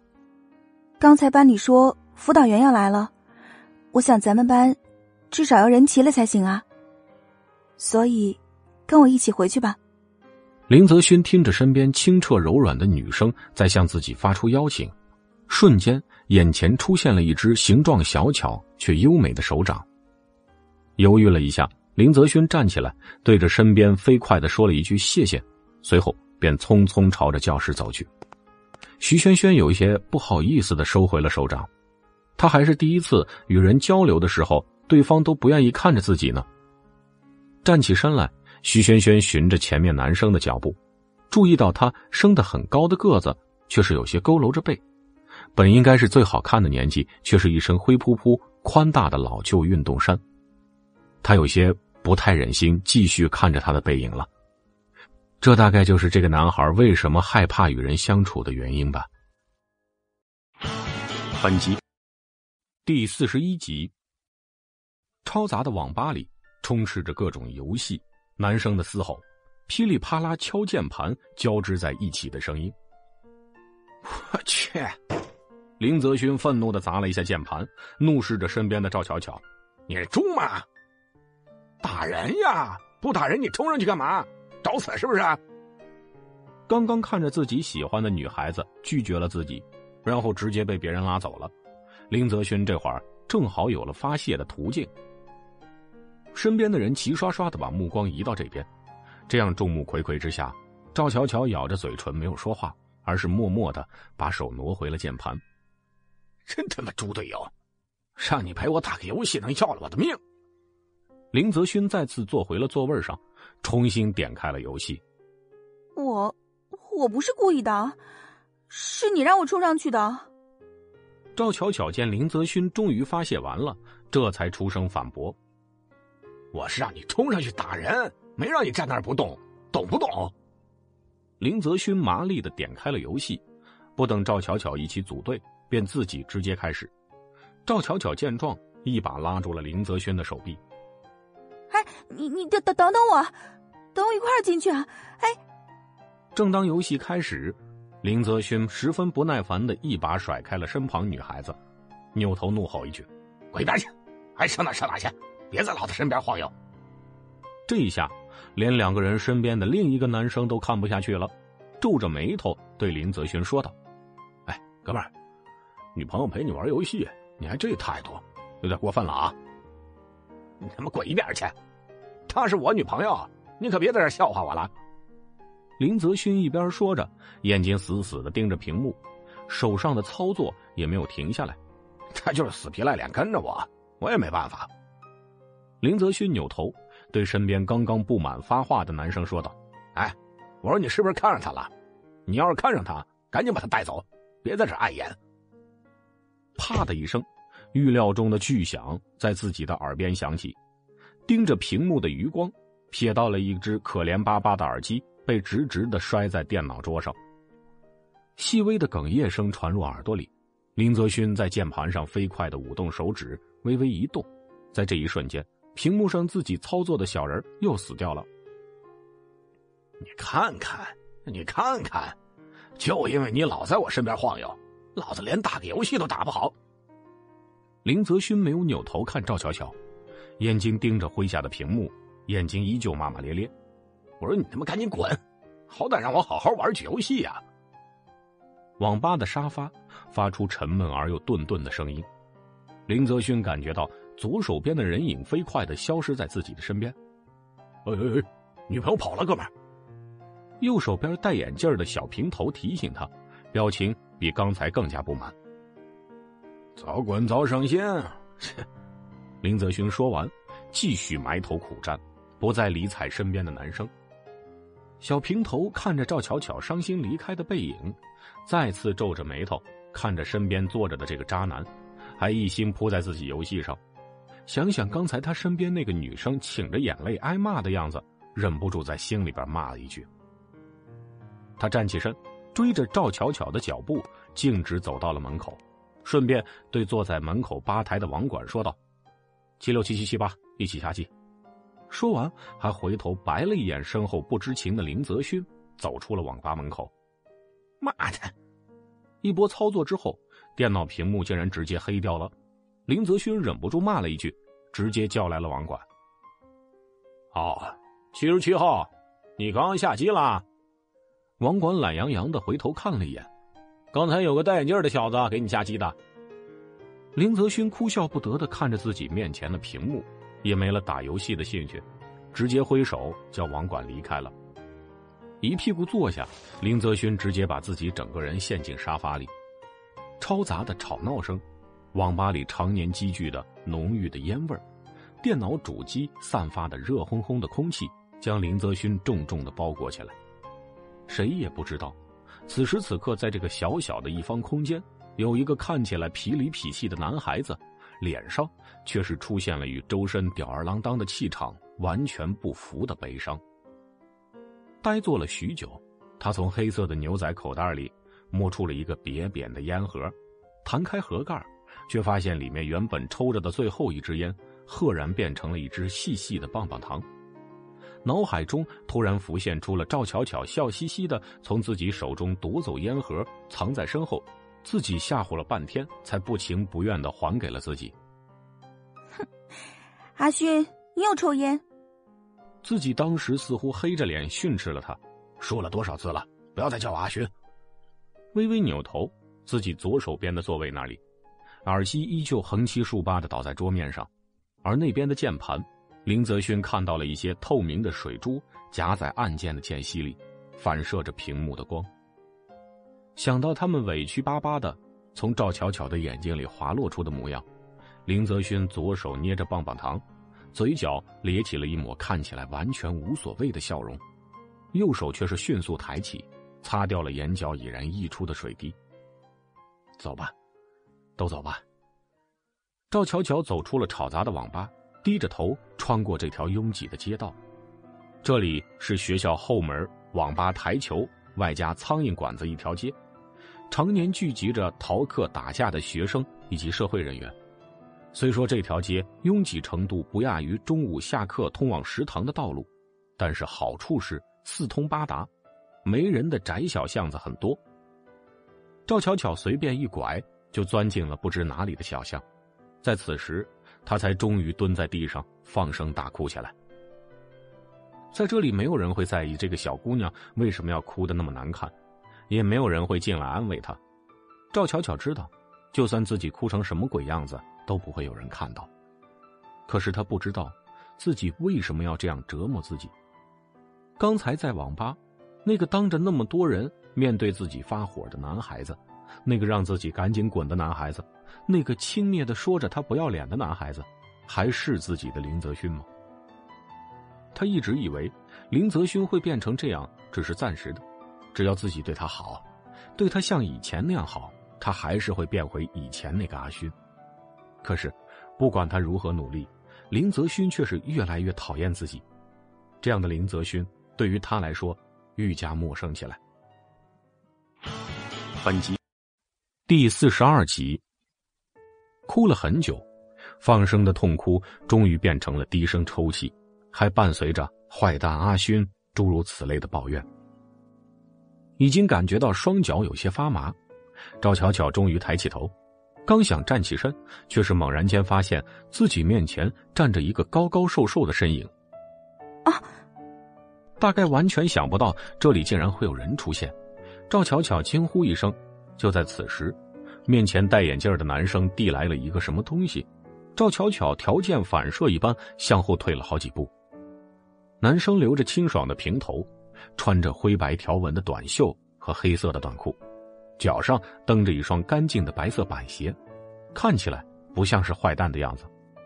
擦擦眼泪吧。赵巧巧这才注意到，原来他的手上捏着一张柔软洁白的纸巾，这才想起来自己刚刚哭到放飞自我，此时已经是满脸的鼻涕眼泪，特地化的妆也全花掉了。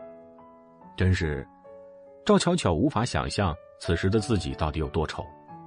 不好意思的接过了男生手里的纸巾，赵巧巧一边擦着脸上的泪水，一边带着浓重的鼻音说着谢，不值得。啊！赵巧巧抬眼认真的看着面前这个自己并不认识的男生，我说为了那个男的不值得。赵巧巧这才想起来，面前这个似乎就是在网吧里坐在林泽勋旁边那个男生。看来自己最丢脸的时候全都被他看尽了，他只想找个地缝钻进去，再也不出来。随便找了个地方，借了卫生间洗干净脸，赵巧巧双手甩着水珠走出来。面前的男生轻轻松松的靠在墙壁上，神色如常，看起来应该是在等自己。不好意思的揉了揉鼻子，赵巧巧说道：“怎么还没走？你是最大吧？”男生没有露出什么多余的表情，我也是，一起回去吧。我，赵巧巧犹豫了一下，这一瞬间，她竟然想到了应该还在网吧的林泽勋，甚至还想着要回去找他，拉他和自己一起回去。真是可笑啊！那个人都那样不耐烦的让自己滚蛋了，竟然还这样想着他。赵巧巧晃了晃脑袋，自己非要晾他几天，让他知道。这回他是真生气了才行。怎么了？没什么，既然顺路就走吧。平头男生点了点头，先行于赵巧巧迈开了步子。赵巧巧几步追上他。今天谢谢你啊，我叫赵巧巧，你叫什么？刘子明，我是你的学长，研究生院的。嘿，你看起来可是一点也不像比我大的样子。赵巧巧瞥了一眼身边的男生，却发现他也瞟了一眼自己。哎，你不化妆的时候，我看起来就比你大了。刘子明像是在说什么家常话一样。嗯，我不明白你为什么要化那么浓的妆啊？现在比刚才好看多了。赵巧巧顿时感觉到一阵脸红，任谁听到这样直白的夸奖都会脸红吧。摄影社的活动室里，一群人凑在穆以贤的电脑面前，欣赏着刚才拍摄的徐萱萱的照片。不愧是女神级别的人物。拍摄前，齐乐为徐萱萱化了一个淡妆。今天，徐萱萱恰好穿了一件淡绿色的森系长裙，以初春的绿池、池光粼粼的湖水为布景。这样一来，上镜后的徐萱萱宛若一个森林精灵一样的灵动。秀美。众人围在电脑面前呆呆的观看，就连平时爱咋咋呼呼的齐乐，此时此刻都屏住了呼吸。身为资深的摄影爱好者，他深知徐萱萱的照片将会是多么完美的作品。这还只是原图，再加上后期的修饰完善，这将是一组完美的大片一时间，活动室里竟然寂静无声。哎，萱萱。请你来当模特，还真是请对了。穆以贤看着自己社团的孩儿，全是一副老大厉害了的表情，看着自己和徐萱萱，不由得扶了扶额头，笑了起来。这样一来，似乎突然又对夺得第一有了信心了。徐萱萱有些不好意思的嘿嘿一笑，便听到齐乐欢呼一声，像个八爪鱼一样紧紧的扒在自己身上，怎么都甩不掉。我家萱萱怎么能这么美丽？好了啊，今天的活动呢很成功，大家取的景都很不错。我将会把每个人最好的作品都拿出来，和萱萱女神一起做成作品集来展览。辛苦大家了。穆以贤看着满屋的大一小朋友，终于宣布了解放。终于逃出其乐魔爪的徐萱萱看了一眼手机，暗道不妙，已经下课半个多小时了。想起今早冷大少似乎说。要接自己下课来着，可是现在那么晚了，他会不会生气呢？徐萱萱忐忑不安的与穆以贤匆匆的道别，然后拉着齐乐便离开了。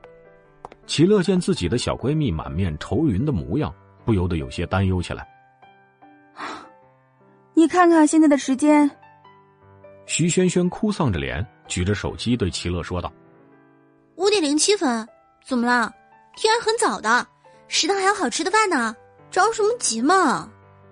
笨蛋，已经超过下课点三十七分钟了。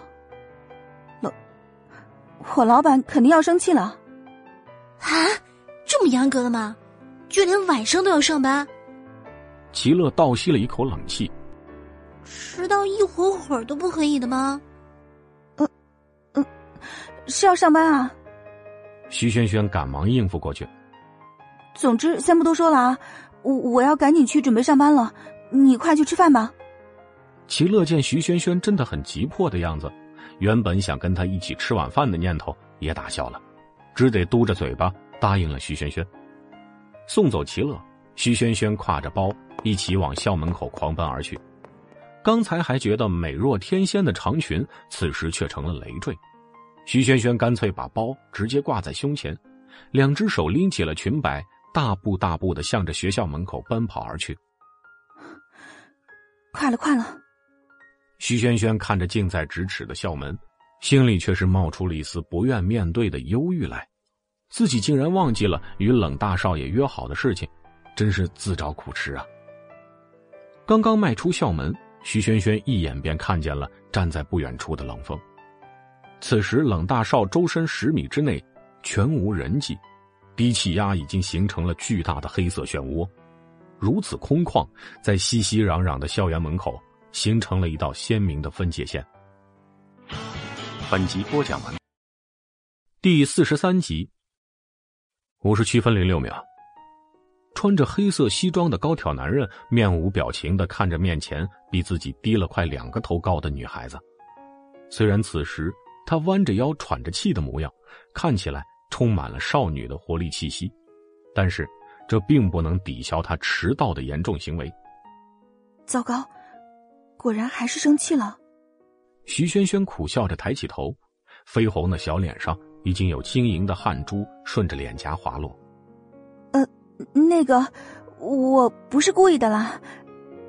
徐萱萱冲着冷风展开了一个傻兮兮的笑容。是，是因为老师拖堂了，我也没有办法嘛，所以我才出来晚了。总不能说自己是帮学长拍摄照片，一时兴起忘了时间吧？真不知道面前这个正在气头上的冰山恶魔会怎么处置他。万一因为这种小事儿就不让他继续上学了，可就完蛋了。而且你看，我一下课不就跑着出来了吗？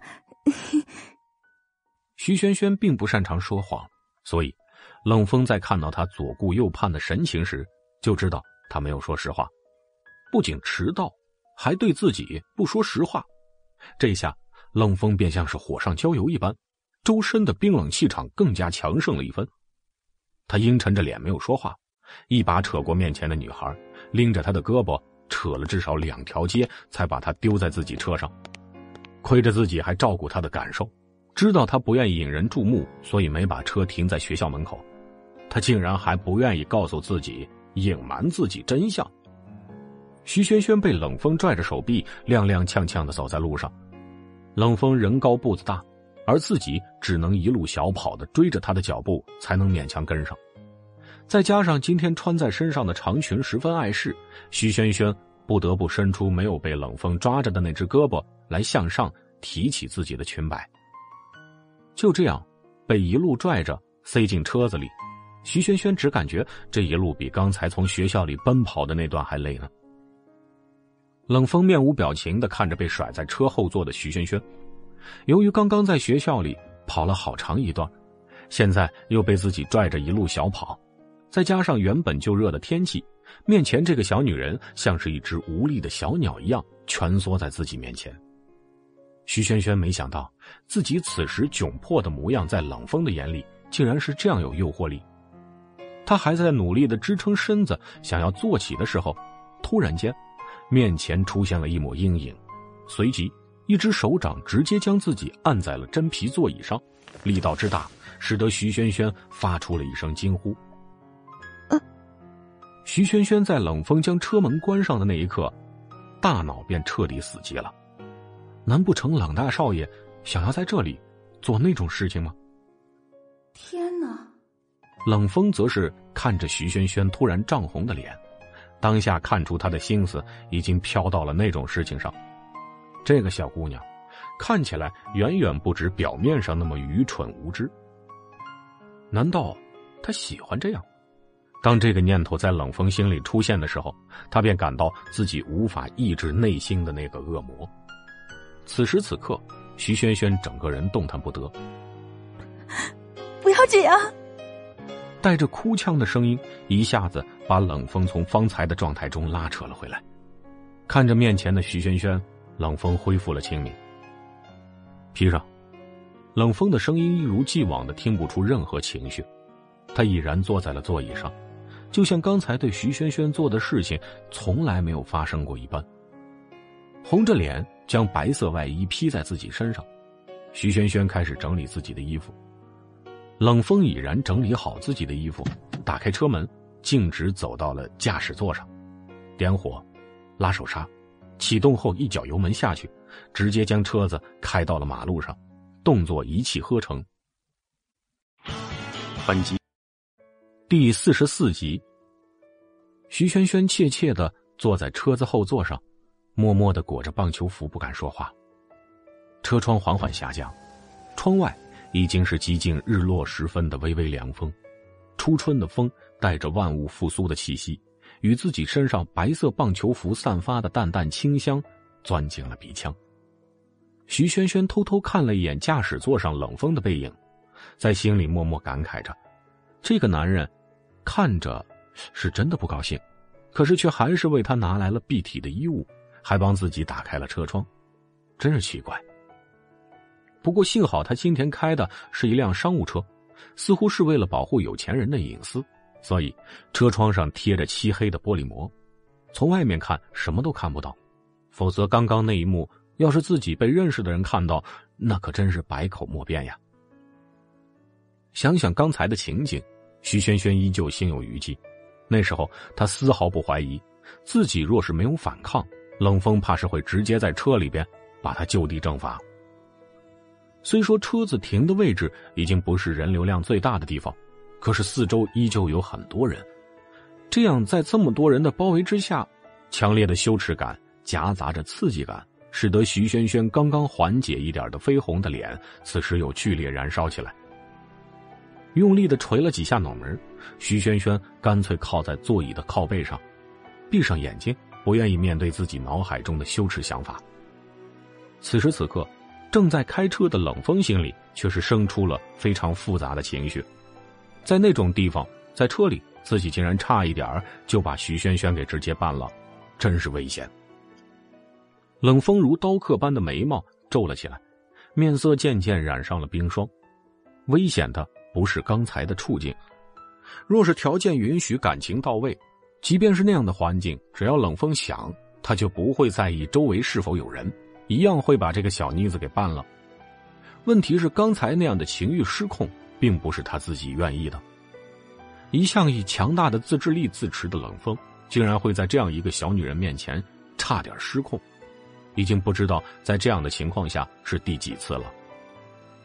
原本应当没有感情也没有欲望的冷风，却是一而再、再而三的在他面前展露出任何时候都不一样的一面，而且每一次都是在自己不知不觉中便展露出来，甚至来不及控制、来不及掩饰。在所有人的眼中，冷风是一个只会将利益最大化的商业机器，没有感情，没有欲望。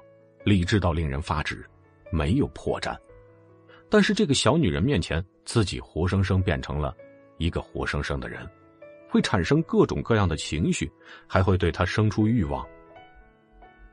透过后视镜，冷风看着微闭的双眼的徐萱萱，眼神里的复杂情绪愈发的深邃，直至心底。冷风不可否认，每个人的心里都藏着一个恶魔。他每时每刻都想要霸占自己的意识，就像是刚才那样。徐萱萱这个小妮子看起来是那样的人畜无害，但是对于冷风来说，她却是比自己内心的恶魔还要可怕，会蛊惑自己的美人鱼。一个是商界的不老神话，一个是羸弱的卑微蚂蚁，在这个叫做徐萱萱的羁绊面前，冷风已经不再是神坛上高高在上的王。用情是神的原罪，无情无欲的时候，没有人能够打败这样的冷风。可是，一旦有了欲望，那便有了软肋，神不再是神，变成了一个可以被打倒的普通人。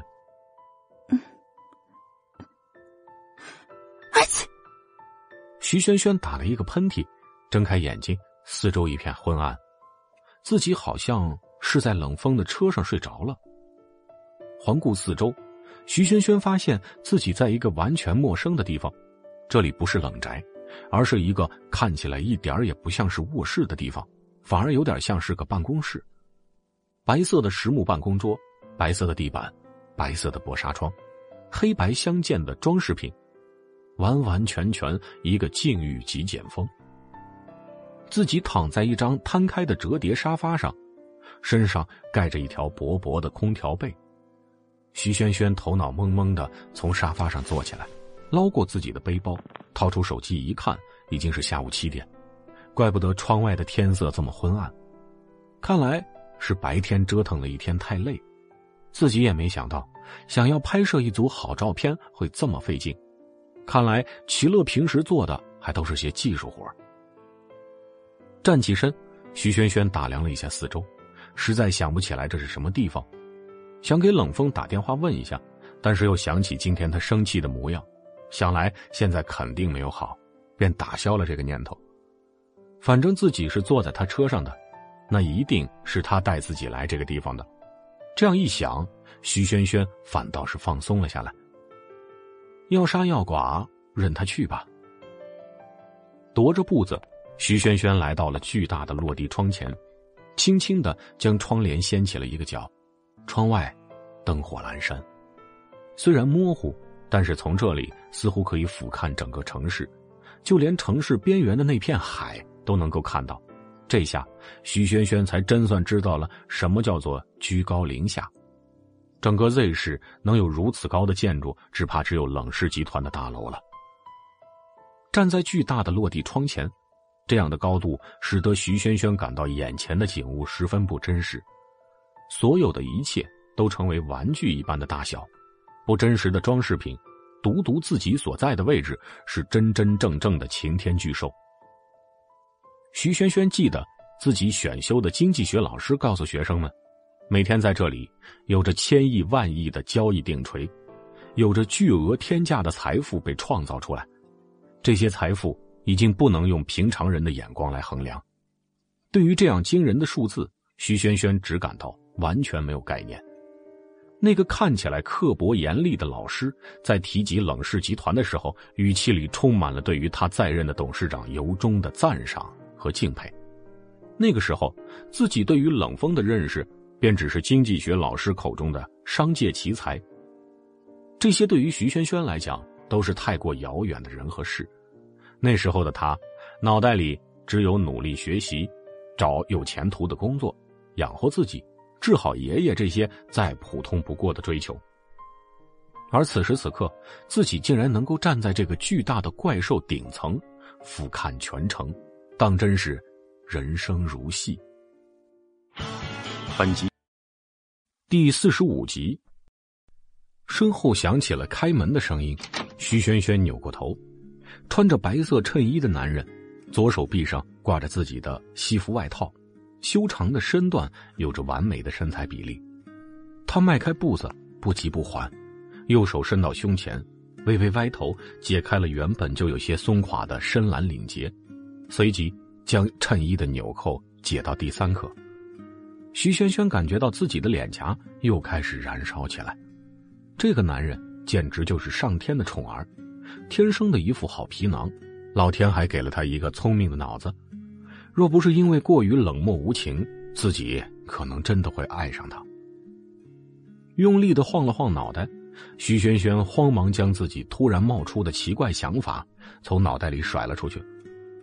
太可怕了，自己怎么会有这样的想法呢？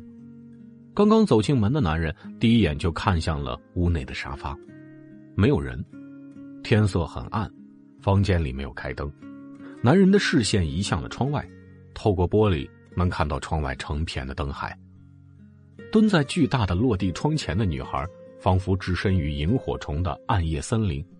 点点灯光在她身后渐渐延伸出了细长的线，光晕模糊了她的轮廓，柔软到令人心中一颤。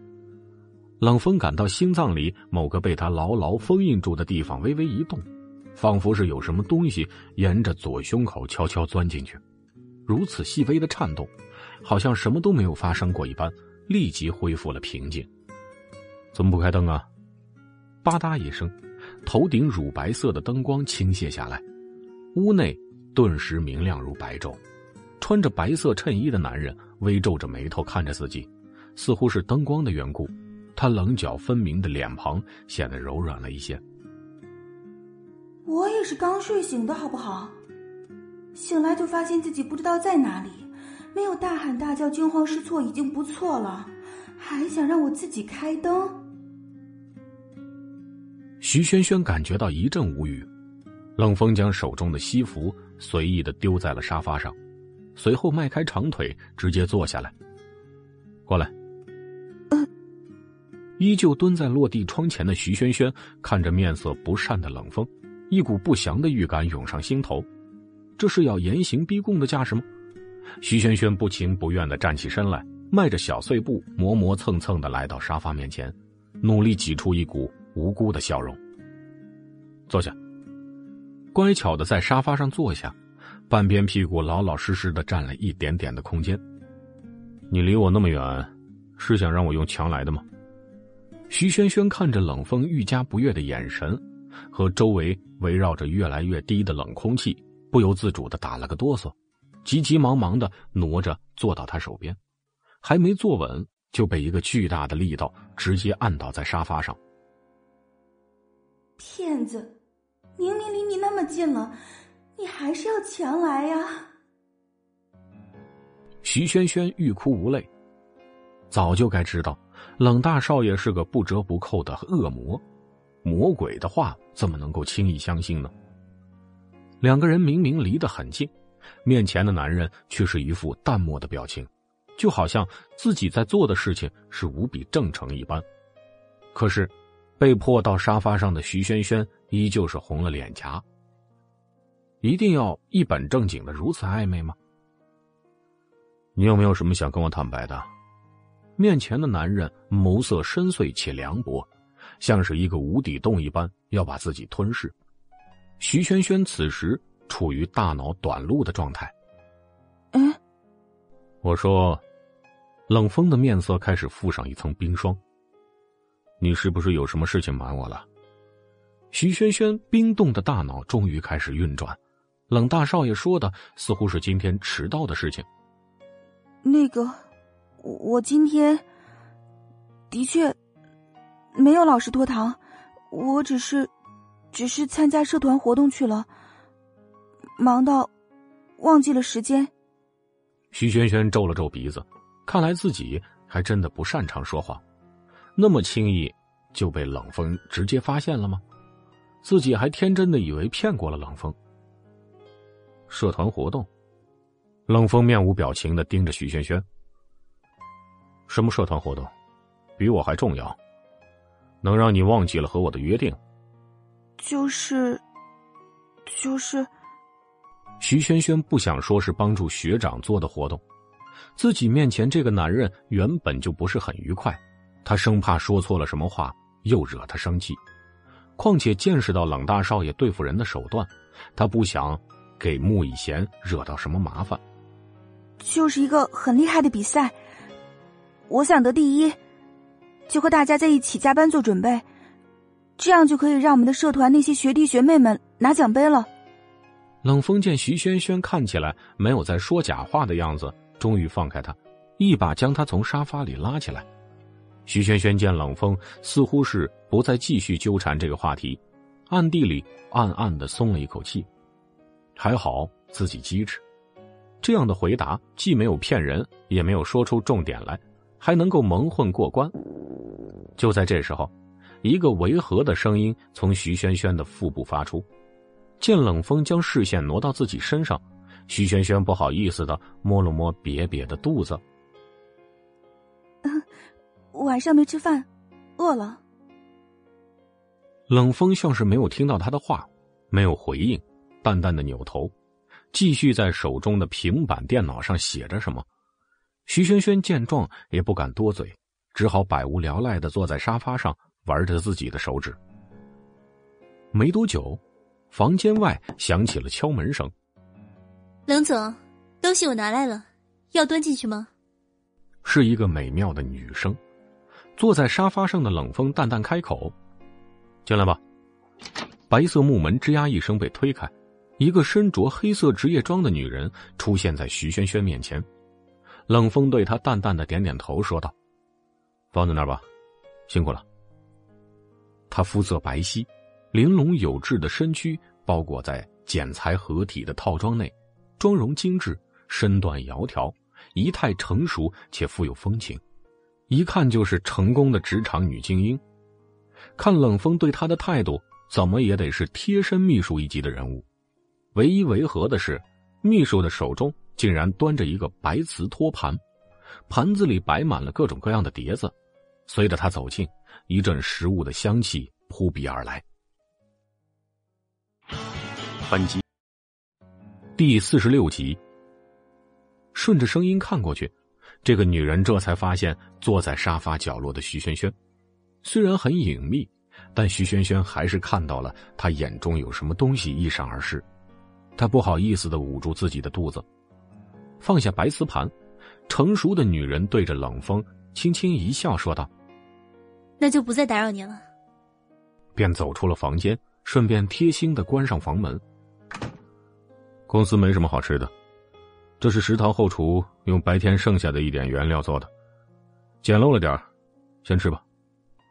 冷风继续拨弄着手动的平板电脑，头也不抬的说道：“要是吃不饱，晚上回去叫王姨给你加餐。”房间里只有他们两人，那就一定是说给他自己听的。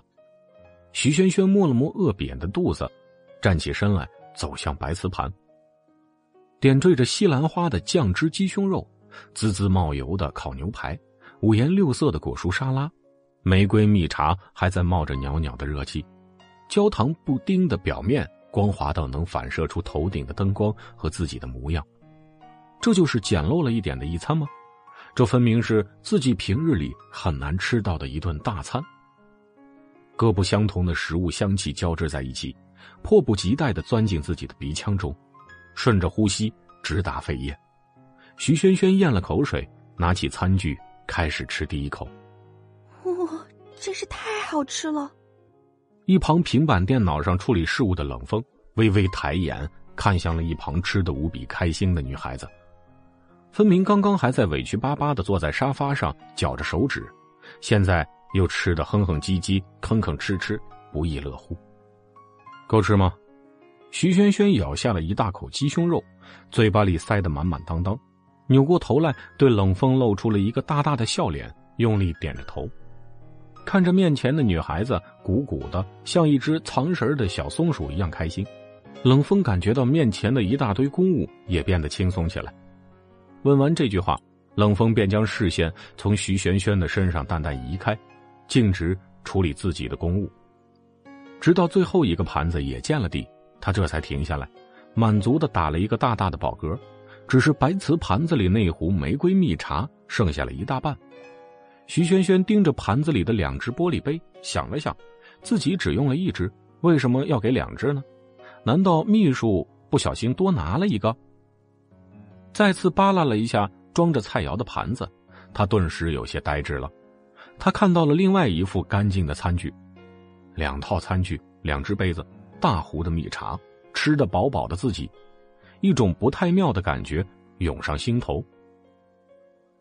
吃饱了吗？就在此时，自己背后响起了淡淡的男声，像是某种审判一般。自己竟然一个人吃完了两个人的分量，更重要的是。吃掉的另一份是冷风的晚餐。徐萱萱感觉到自己背后冒出了一身冷汗。冷风给自己这个正在加班的秘书长说要弄一份营养好一点的饭菜的时候，其实并没有想要自己连着吃一份。这个秘书长问自己要不要多弄一些，因为他也没吃饭。当时冷风只回复了他一个随便，就专心的处理事务去了。毕竟他的时间宝贵。不应该浪费在吃不吃晚饭这种没有意义的问题上。早就知道徐萱萱这么饿，智商也是低，眼神也不好，八成会把自己那一份连着一起吃掉。他原本不打算理会这件事情，大不了自己回冷宅之前让王姨提前准备一份宵夜就好了。但是他脑海中突然间升起了一个念头，好想看看这个小妮子。惊慌失措的表情，这边徐萱萱没敢回头，伸出手来，颤颤巍巍的将壶里边剩下的大半蜜茶倒进了两只杯子，一左一右端起了两个杯子，他缓缓的转头，脸上堆满了笑容。渴了吧？来，喝口水再工作。冷风没有如愿的看见他惊慌失措的小女人，反而是面对着徐萱萱挤满假笑的脸，突然失了兴致。便垂下了眼帘，淡淡的说出了几个字：“放在桌子上吧。”徐萱萱见状，乖乖把杯子放在他面前的茶几上，自己则是默默的坐在他旁边，不再作声。“你是学设计的吗？”徐萱萱抬起头，他发现冷风说话的时候都很突然，头不抬眼不看，若是屋子里还有别人的话，都不知道是谁说的话。嗯，工程设计。冷风那边没有了下文，徐轩轩也只好不再说话。这冷大少爷很任性，想说就说，不想说就突然中断谈话。这样的男人，怪不得说他没情没欲，压根儿就不在乎别人的感受。是不是有什么需要我帮忙的？徐轩轩见冷风一直在看着面前的平板电脑，眉头蹙起，不知道吃了什么雄心豹子胆的，直接问了这样一句。话刚出口，看着冷风直接抬起头来看向自己，他就后悔了。冷风是谁？叱咤 Z 市商圈的神话，这样的传奇人物还需要自己一介小小草民的帮助吗？正当徐轩轩想着怎么弥补自己的嘴拙时，却听到了冷风淡漠的声音：“是服装方面的，你应该帮不了我。”冷大少爷竟然这样心平气和的和自己解释原因。徐萱萱原本以为自己得到的应该是冷眼或者是嘲讽，没想到。他竟然耐心的给自己解释：“我，我也许可以的。也许冷风态度不错。”徐萱萱竟然壮着胆子说道：“我修了服装设计的双学位，成绩很不错的。你要是真的愿意听我说的话，可以，可以试着说出问题来。”冷风看着面前这个因为激动而小脸涨红的女孩，她神情十分认真。就好像自己面前已经摆上了什么难题，而他已经下决心要把难题解决掉一般。换做以前，或者是换做别人，冷风可能早就一记眼神杀过去了。自己什么时候开始竟然需要别人的帮助了？可是面前的这个女孩子，却是和别人不一样。她不会有什么目的不纯的动机，不是因为想要升职所以讨好自己，不是想要引起自己的注意。也不是想要自己欠他人情，他只是单纯的想要帮助他而已。本集第四十七集。嗯，徐轩轩看着自己面前的全英文资料，有些心虚的回头望了冷风一眼。原来冷大少爷平时都是用英语办公吗？就他这种刚刚过了四六级的水平，实在是什么都看不懂。一旁的冷风也注意到这边的动静，但他依旧不动声色的自顾自盯着自己的电脑，没有想要说什么的意思。冷总，那个有没有中文的资料？徐轩轩见冷风交给自己的这份材料的时候，满脸的神色，根本就没有考虑到徐轩轩能不能看懂。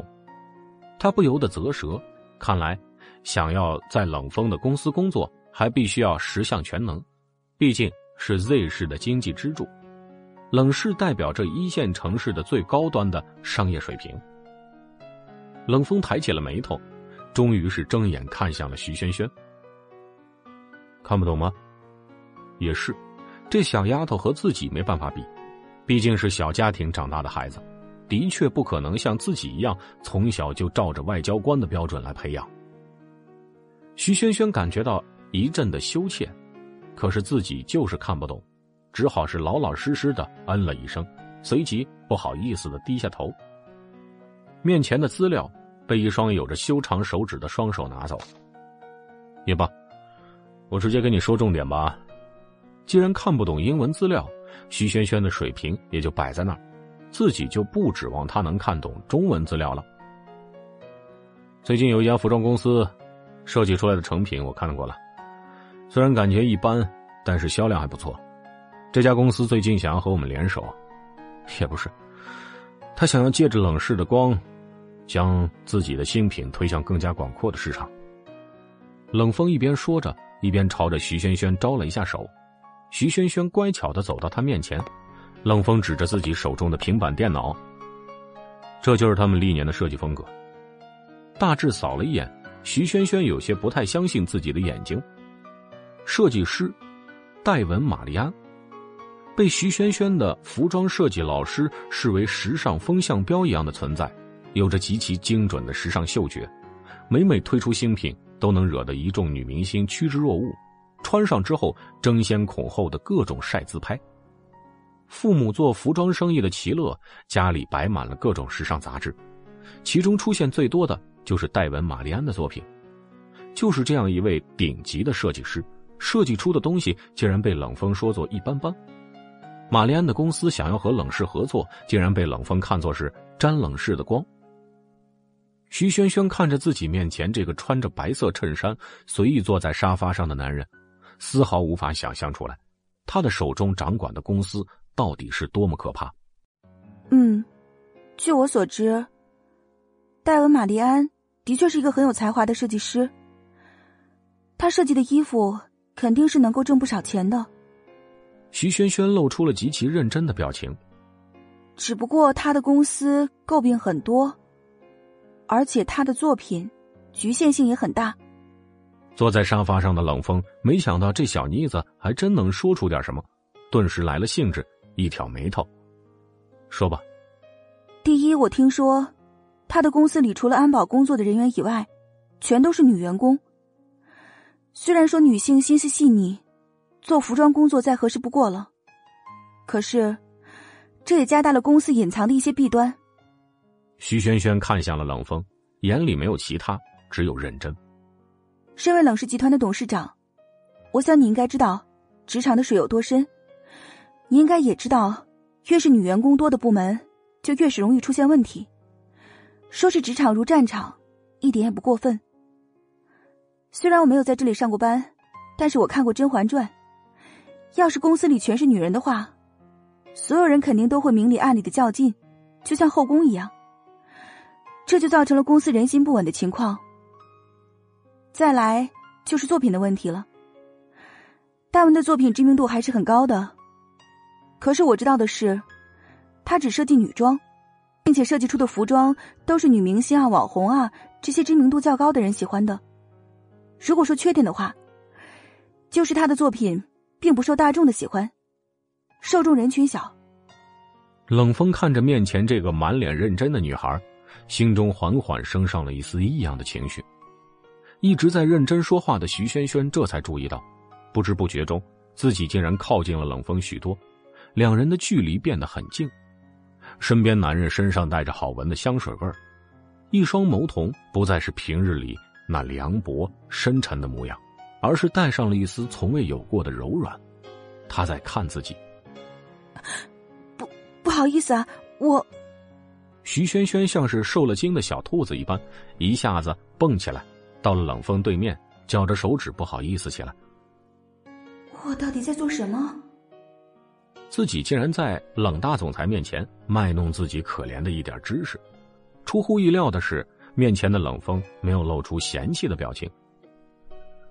你说的这些，其实我都知道。徐萱萱听到这话，顿时感觉到无地自容。但紧接着，他在冷风的下一句话中震惊的抬不起头来。不过你分析的没有错，这些都是我正在考虑的问题。这样说来，是对他的肯定吗？一阵迟来的喜悦从徐萱萱的脑海中生出来。不知是怎么的，平日里高高在上、生人勿近的冷总裁，此时在自己面前显得不再是那样的令人生畏。不说这些了。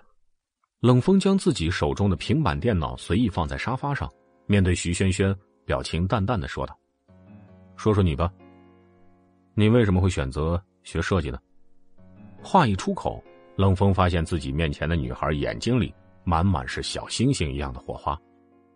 因为，我小时候曾经在一个杂志上看到过一个设计师的作品，他的作品很多，并不局限于某种方向。比如可爱又实用的小家具，比如一整个房间的设计图，又比如一件美轮美奂的长裙。他的作品无一例外，全是新奇又富有创意的。那个时候我就想，要是以后我也能设计出这些有趣的、美丽的东西，那就好了。徐萱萱陷入了回忆之中。哼，设计师这么神奇吗？冷风不由得失笑。那他应该很有名气才对呀，说说是谁呀？看看我认不认识。本集第四十八集，记不清了。徐萱萱歪起了小脑袋，吐了一下舌头。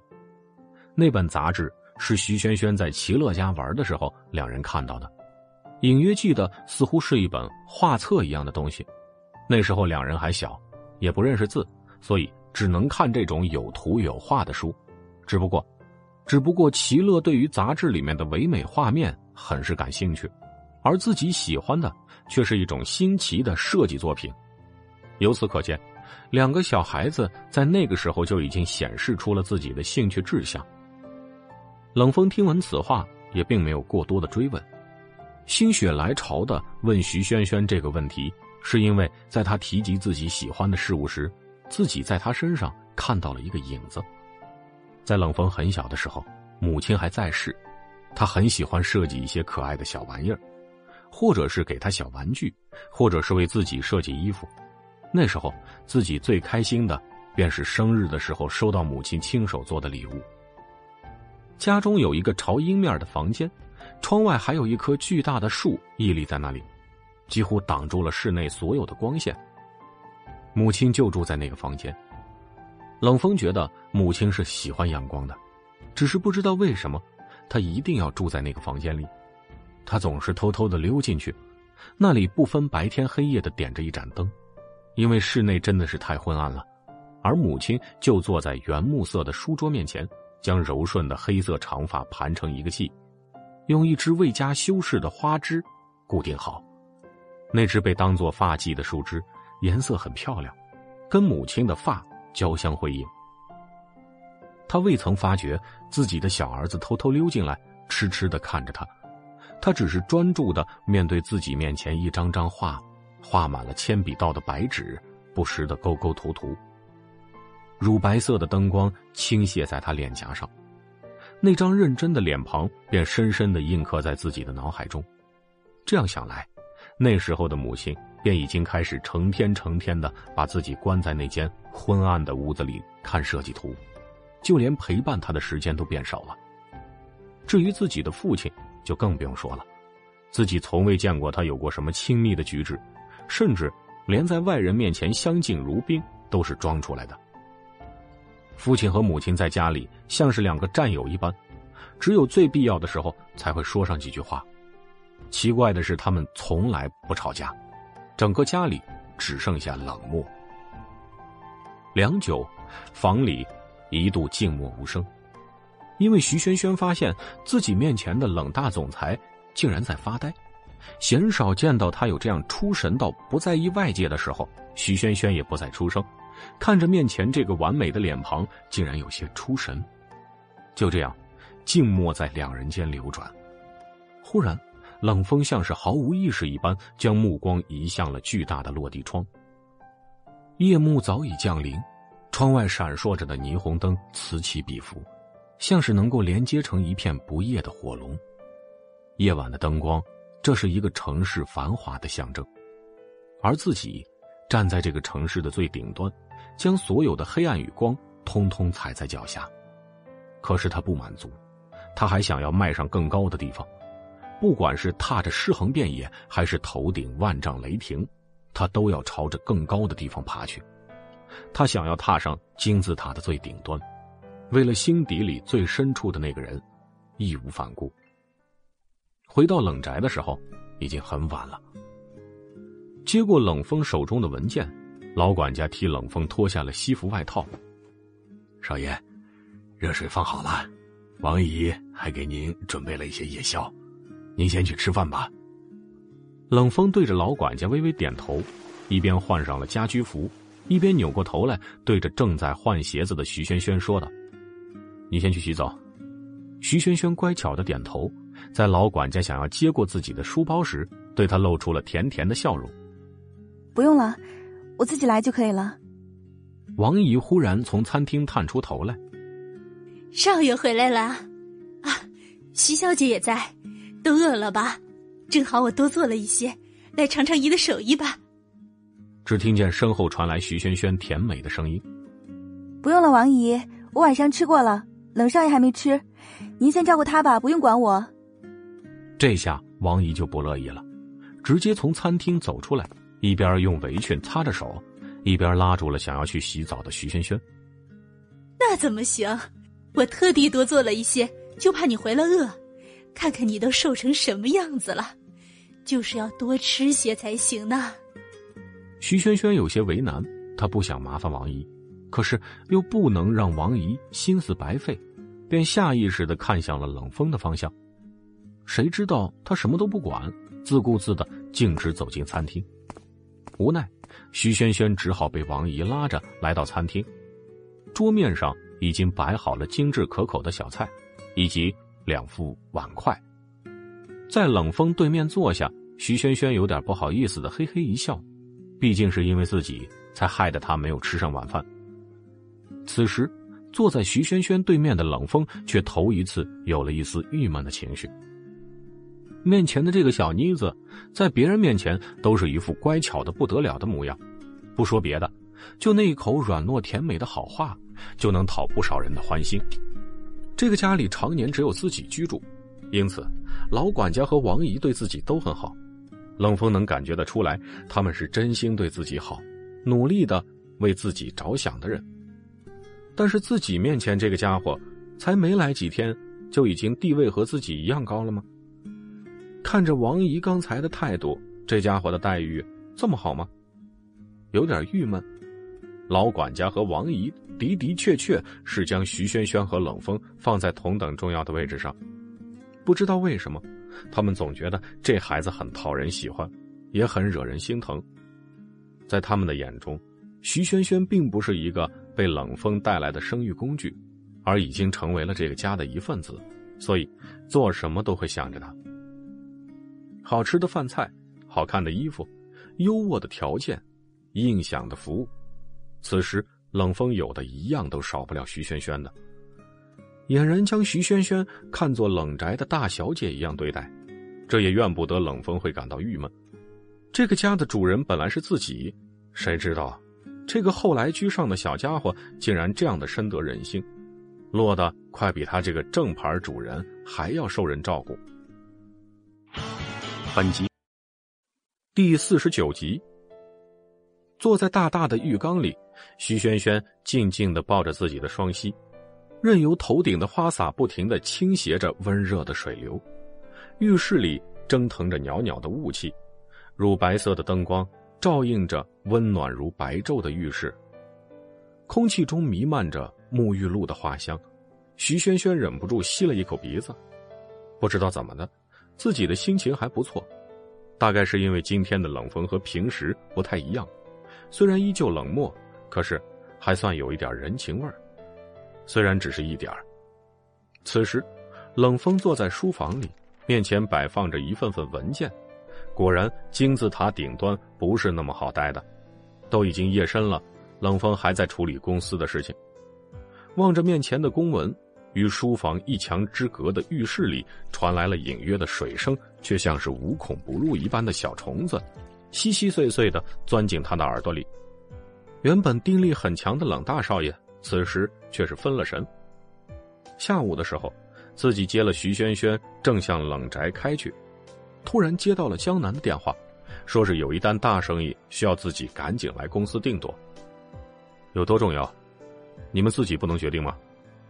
冷风顺着后视镜看到后座上歪七倒八的徐萱萱，皱着眉头对电话说道：“这次的客户是个很精明的女人，不太好应付，还是需要你来。”江南的声音一如既往，听起来很客气，话语之中却是不容置疑的强硬，根本就无法让人找出可以拒绝的破绽。车后座的徐萱萱干脆直接躺倒在座椅上，闭着眼睛。没有任何要醒来的迹象。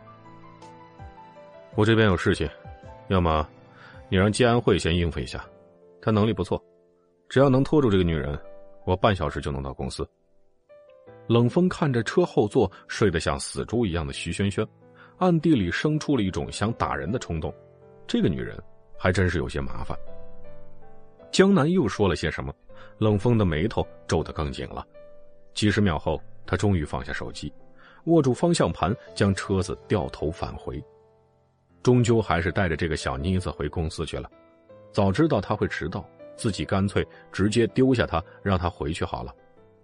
麻烦的女人。某高档小区的公寓楼里，站在窗前的男子正在对着电话讲着什么，他神色带着一丝不耐，嘴里边说出的却是恭恭敬敬的话语。好的，伯父，我知道了，您放心好了。再有什么动静，我第一时间告诉你。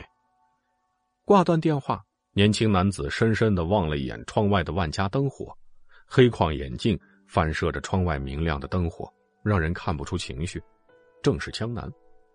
此时他刚刚和冷子墨通过电话，至于电话内容，则是关于冷风的近况，监视自己的儿子，这是冷子墨给江南的任务。观望结束之后，江南转身。随意坐倒在沙发上，他的脑海中渐渐浮现出了下午的事情。就在五点左右，公司里大部分员工都开始准备下班或者吃饭的时候，外联部长急匆匆的来告诉江南，公司里来了几个不速之客。冷风不在，江南便吩咐外联部长将人都带到会客厅去，准备自己应付一下。来到会客厅。江南推开门的一瞬间，目光便被自己面前一个气场强大的人吸引过去。他坐在会客厅中间的沙发上，身着深蓝与白色的细条纹西服，白色衬衫上打着一个漂亮的领结，一双长腿看似随意的交叠在一起，条纹的西服裤裁剪的很是得体，脚上蹬着一双黑色的漆皮皮鞋，露出了纤细的脚踝。目光上移。面前的人有着一头浓密的棕色短发，鼻梁高耸，眉骨微微突出，一双黑色的眼睛深邃如海。好看的人江南见过不少，起码自己每天看见的冷风就是一个祸水级别的男子，但是他还被自己面前的这个人惊艳到了，因为这是一个女人，一个可以英俊到连女人都把持不住的人。来人自称是某个服装品牌的创始人，要与冷氏进行合作。江南面对自己面前的这个人，以往的那种冷静自持，在此时却是都不起作用。面前的这个女人仿佛是会发光一般，让人无法集中精神放在谈的事物上。每每看到她的眼睛，就感觉自己要被吸进去，无法自拔。这种人，冷风不来，谁能奈何得了他呢？反正两个人都是在普通人中都会闪闪发光的那种人，这女人能够成为冷风的对手，实在是不简单。事出紧急，江南赶紧找了个借口退出了会客室，急忙给冷风打电话：“我这边有事，你让季安慧先去应付一下。”江南站在公司会客厅门外，不动声色的瞟着会客厅内一个高挑清瘦的身影：“有事，很紧急。”能比得过自己公司的大客户吗？让季安慧去，我也不是没看到你秘书长在会客室里两眼直勾勾的盯着这个女人犯花痴啊！拜托你来看看，对手可是男女通吃的家伙。江南有点懵，这样的冷风还是第一次遇到。以往的他眼里只有自己的冷氏集团，若是碰上这种谈合作的大事，冷风也绝对是。就算是自己老爹的葬礼上，都会放下手头的事情来公司的。不过，他和他老爹的关系那确实是不太好。猛然间，江南似乎是想起了什么。下午的时候，冷风在办公室显得稍有心事，时不时的看了一眼表，最后在四点的时候掐着点儿走出了办公室，顺带着带上了自己的车钥匙。什么事情需要他自己开车去办呢？江南庆幸自己沿着窗户看了一眼冷氏集团的大门，冷风的车子赫然驶向了东边。冷风原本就是在这个城市靠东的地方，再往东，很快就要到城郊交际线处，那里什么都没有。冷风去那儿干什么？东边似乎有个大学城，还是 Z 大所在的地方。这下江南算是推测出了冷大少爷在干嘛去了。不着痕迹的皱起了眉，江南再次看向了会客厅的女人。眼下情况不允许他冷风放任不管。没有办法，对方的态度很坚决。你要是不来，这单子就算是毁了。电话那端沉默了很久，冷风终于淡淡开口：“等我，十分钟以后公司见。”本集第五十集。江南放下电话，黑框眼镜下的瞳仁深处闪过一丝金光，这怪不得自己，老爷子对他的吩咐，他可不敢违背。冷大少爷这么在意这个叫徐萱萱的女人，甚至为了她将公司放在第二位，这不是什么好兆头。不过幸亏他不经意摸住了冷风的走向，要不然可真的错过了一个这样重要的情报。再次走进了会客厅，面前的女人对自己展开了一个微笑。早听说贵公司的董事长年轻有为，还长着一张让女人都能疯狂的脸。真的很想和他交流一番呢。戴文小姐才是真正的年轻有为，我们都比不上她。江南面上微笑的应付着，心里却是暗暗翻了个白眼儿。你这天生的一副完美的皮囊，和冷风可不都是一样的人吗？要不说你们两个肯定能有很多的共同语言呢。十五分钟后，在会客厅里痛并快乐的江南，终于看到了会客厅的门被推开。高挑的男人迈进房间，昂贵的精致的外套上没有一丝褶皱，布料的舒适度和耐久度都十分顶尖，就连每一个袖口的位置都已经恰到好处。白衬衫一丝不苟的系在最上面的纽扣，领带更是形状标准服帖，成为了一个完美的配饰。脚上的皮鞋出自意大利名匠之手，纯手工制作，造价奢侈昂贵。最重要的是，完美的身材比例以及完美的脸庞。若是这个男人还拥有完美的肌肉形状，那真是上苍给他的礼物。名为戴文·玛丽安的女人，在冷风进门的那一瞬间，便死死盯住了他。退出会客室的江南终于松了一口气，身边与自己一同退出的季安贝，此时捂着胸口，好像快要晕厥过去一般。我的天哪！早就知道这个玛丽安是个特别帅的女人，没想到她竟然这么好看。要不是她是个女人，我觉得她的魅力和冷总都有一拼了。不不不不，还是冷总最好看。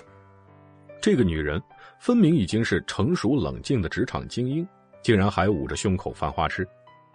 唉，有生之年我能看到这么两个比神仙还好看的人同框，死而无憾了呀！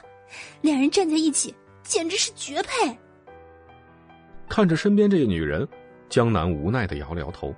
幸好自己是个男人，对于这两个人还有一定的免疫力，不至于一见就爱上他们。江南收拾好东西准备下班，在等电梯的时候，他发现自己另一侧的电梯屏幕上显示着目标楼层是顶层。江南知道，冷氏大厦最顶层是董事长办公室和休息室。有时候冷风会在公司彻夜加班，便直接将顶层的一间空置的办公室改成了自己的休息室。这个时候，冷风还在会客室见客户，怎么可能坐电梯上楼呢？江南皱了一下眉，没有动作，直接按住这个电梯的下楼键。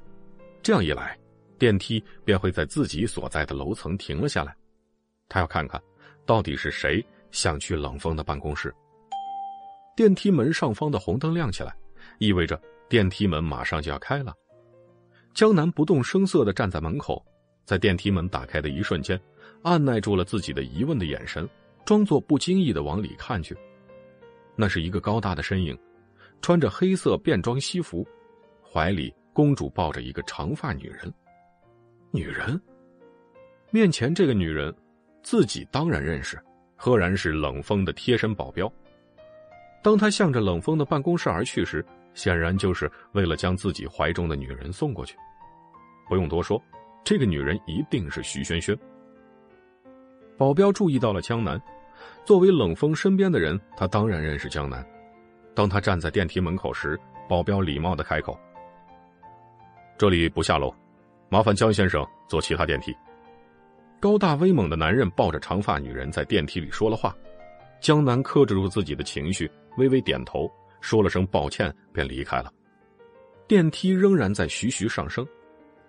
江南看似若无其事的继续的等着其他的电梯，内心却是翻江倒海起来。自己猜测冷风刚才和徐萱萱在一起，看来是事实。冷风为了这个女人，竟然将公司的事情给拒绝推开，自己一味的请求甚至是威胁下，他才来到公司处理事情。本以为自己那样对冷风说情况有多紧急，就会使得他放弃徐萱萱来选择自己的工作。没想到他竟然把这个女人带来了公司，就这么放不下吗？冷大少爷已经开始这样重视一个女人了吗？江南的脑海中冒出了冷子墨对他说过的话：“看住冷风，任何对争夺公司无利的苗头，都要扼杀在摇篮里。”这个徐轩轩，看来是个定时炸弹，需要用一点手段。Z 市某栋顶级酒店的豪华客房内，一个高挑的身影站在落地窗前，刚刚洗过澡的缘故。白日里精神的短发，此时软软趴趴的贴在额头上，抱着浴袍的人看着玻璃上反射出自己的倒影，微微一笑。也就在此时，自己能够显露出一丝丝女人味儿。窗外，流光溢彩的夜生活才刚刚开始。玛丽安是不喜欢 Z 市的，身为一个顶级的设计师，他的灵感便是各种各样的城市，只有城市的镁光灯。才能刺激他大脑中与创意有关的部位，再从里面源源不断的涌出各种带着钢筋水泥味道的作品。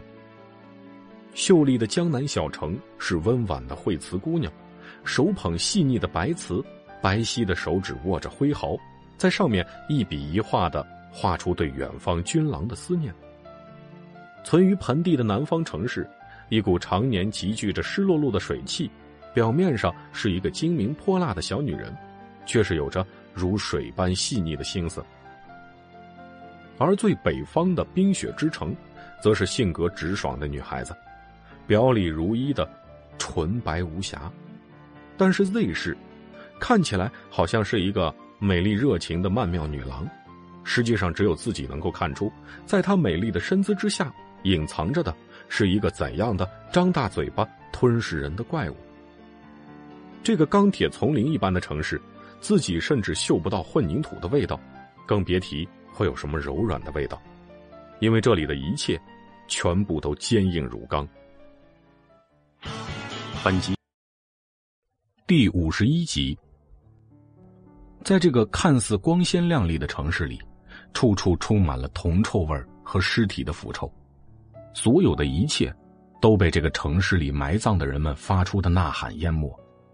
转过身来，玛丽安披着浴袍坐回沙发上，伸出手拿起面前的红酒，微微晃动着，晶莹剔透的红色液体在酒杯里摇摆出漂亮的酒群，像是新鲜的血液一般令人心动。虽说这个城市令他感到不安，但是在这里，他遇到了上苍安排给他的一个完美礼物。今天在冷氏集团遇到的那个男人，简直就是他心里完美的另一半。只有这样的男人，才能配得上他。脑海里浮现出冷风在会客厅的模样，那样的冷静自持，谈吐间气度不凡。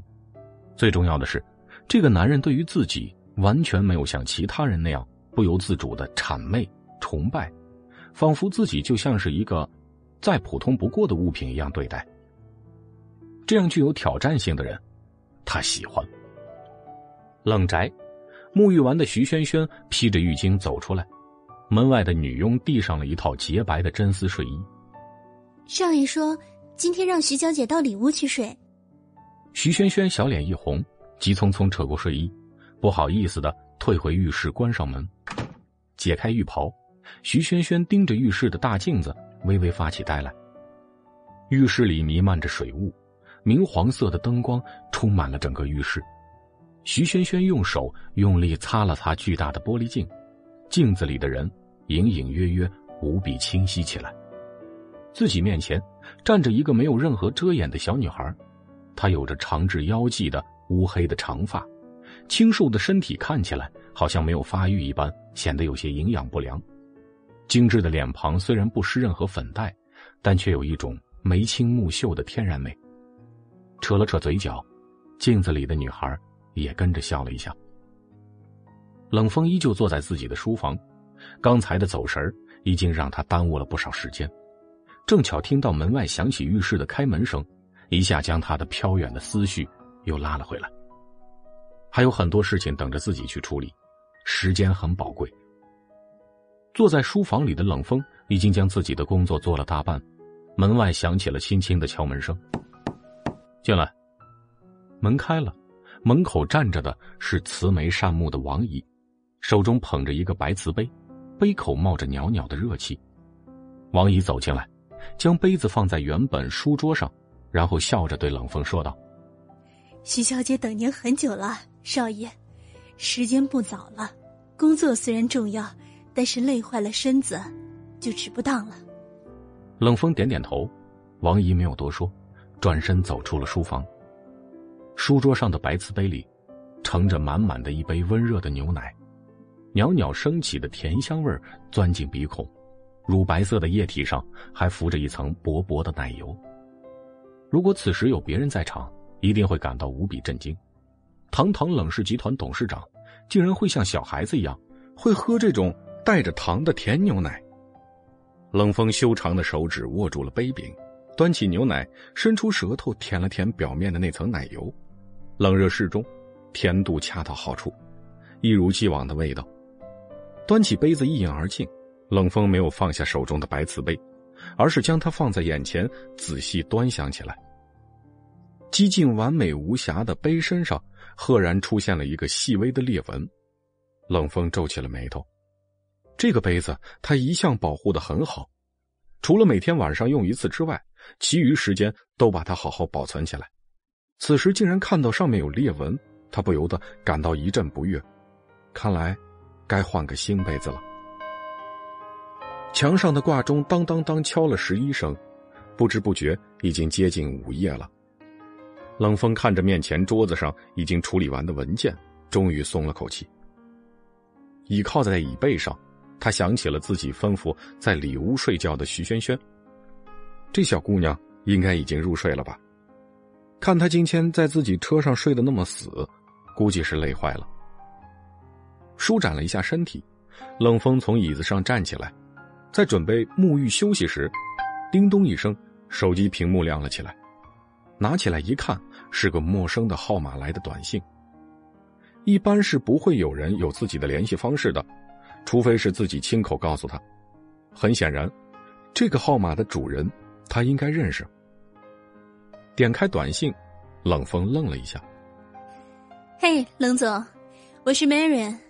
虽然这个时间打扰你，我表示很抱歉，但是我突然想到一件事情，所以必须要跟你说一下。短信到这里就结束了，冷风不由得皱起了眉头。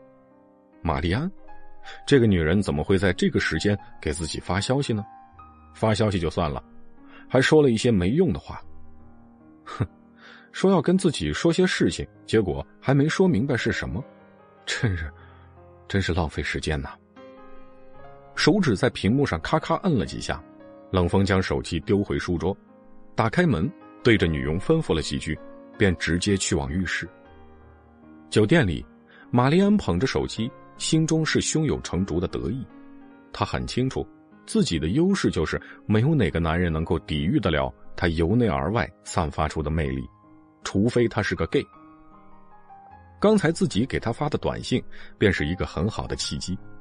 深夜，正是人最脆弱、心理防线最容易被击溃的时候。这个时候发出去一条短信，足以表达出一种直白的暧昧的暗示，而且自己发的内容肯定会勾起他的兴趣。迫不及待的回复自己，想要知道他说的是什么。叮，短信的声音响起，躺在沙发上的玛丽安不由自主的露出了胸有成竹的笑容。回复的这么快，看来有戏。点开手机，很快玛丽安的笑容便僵在了脸上。既然知道这个时间打扰我，很抱歉，那就不要再来打扰我。从浴室走出来。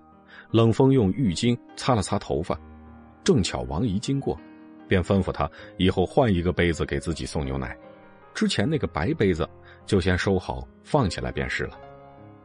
王姨点点头，看着冷风转身的背影，微微叹了口气。那个白瓷杯是钱夫人，也就是冷风的母亲一直在用的杯子。王姨知道，钱夫人还在的时候。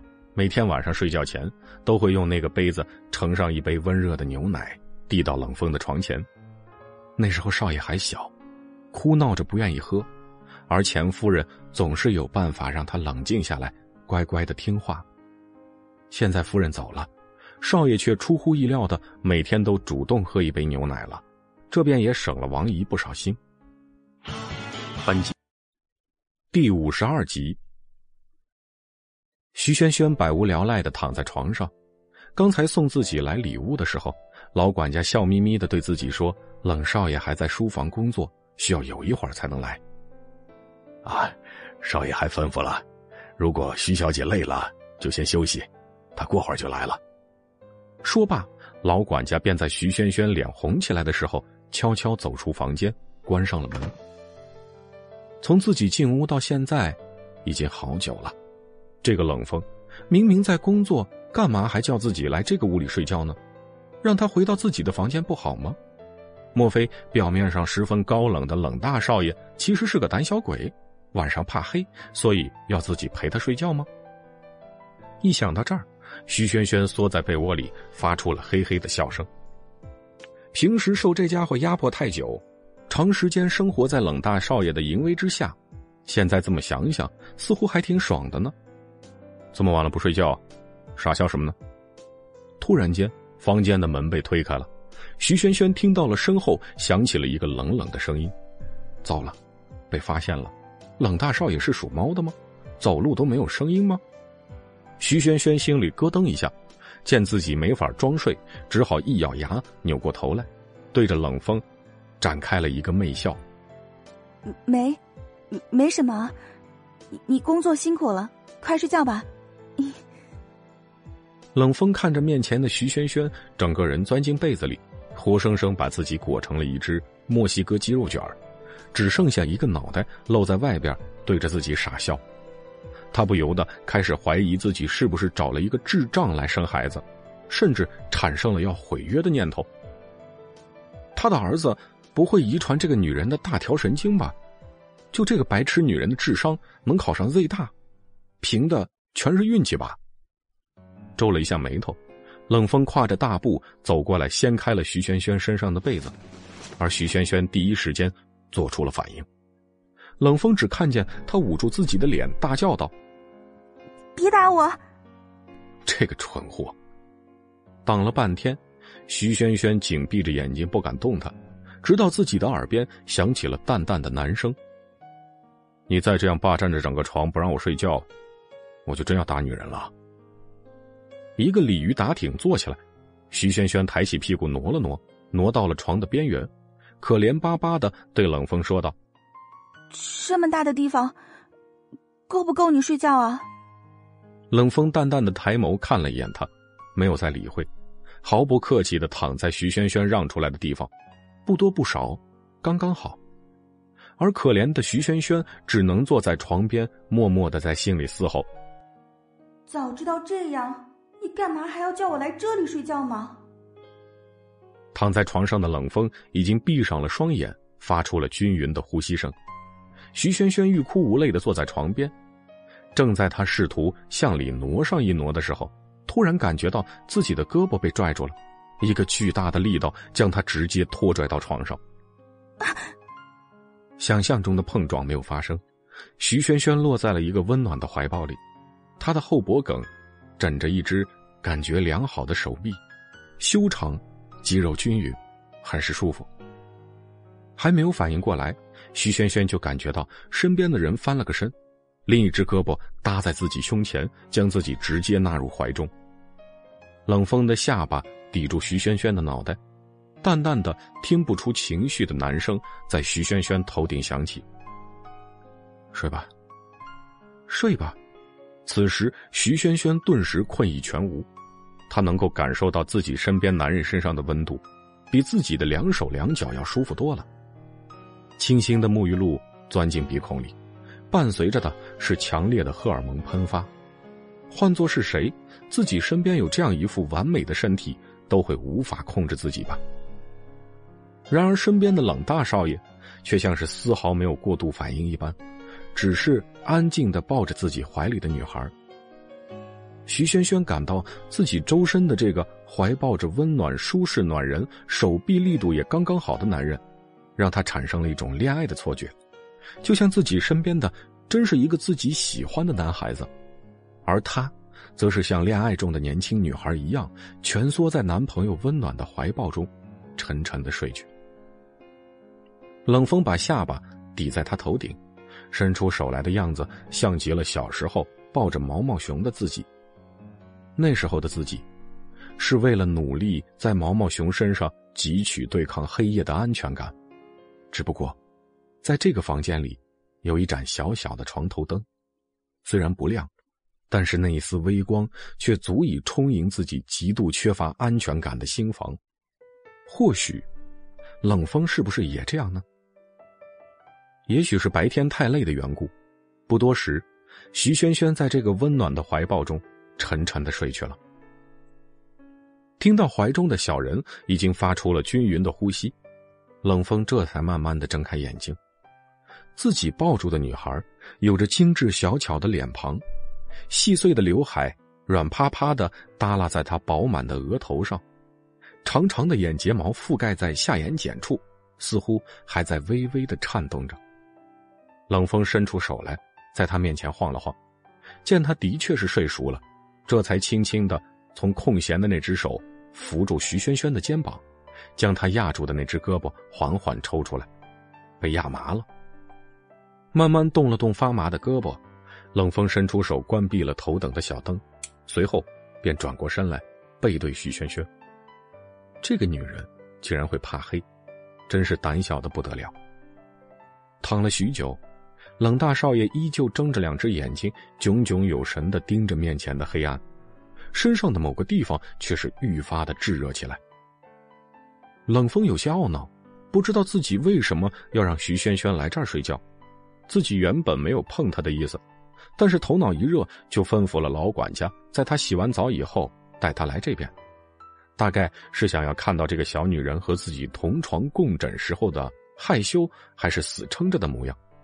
谁知道，这小妮子竟然这么快就睡去了，还弄得自己有了反应。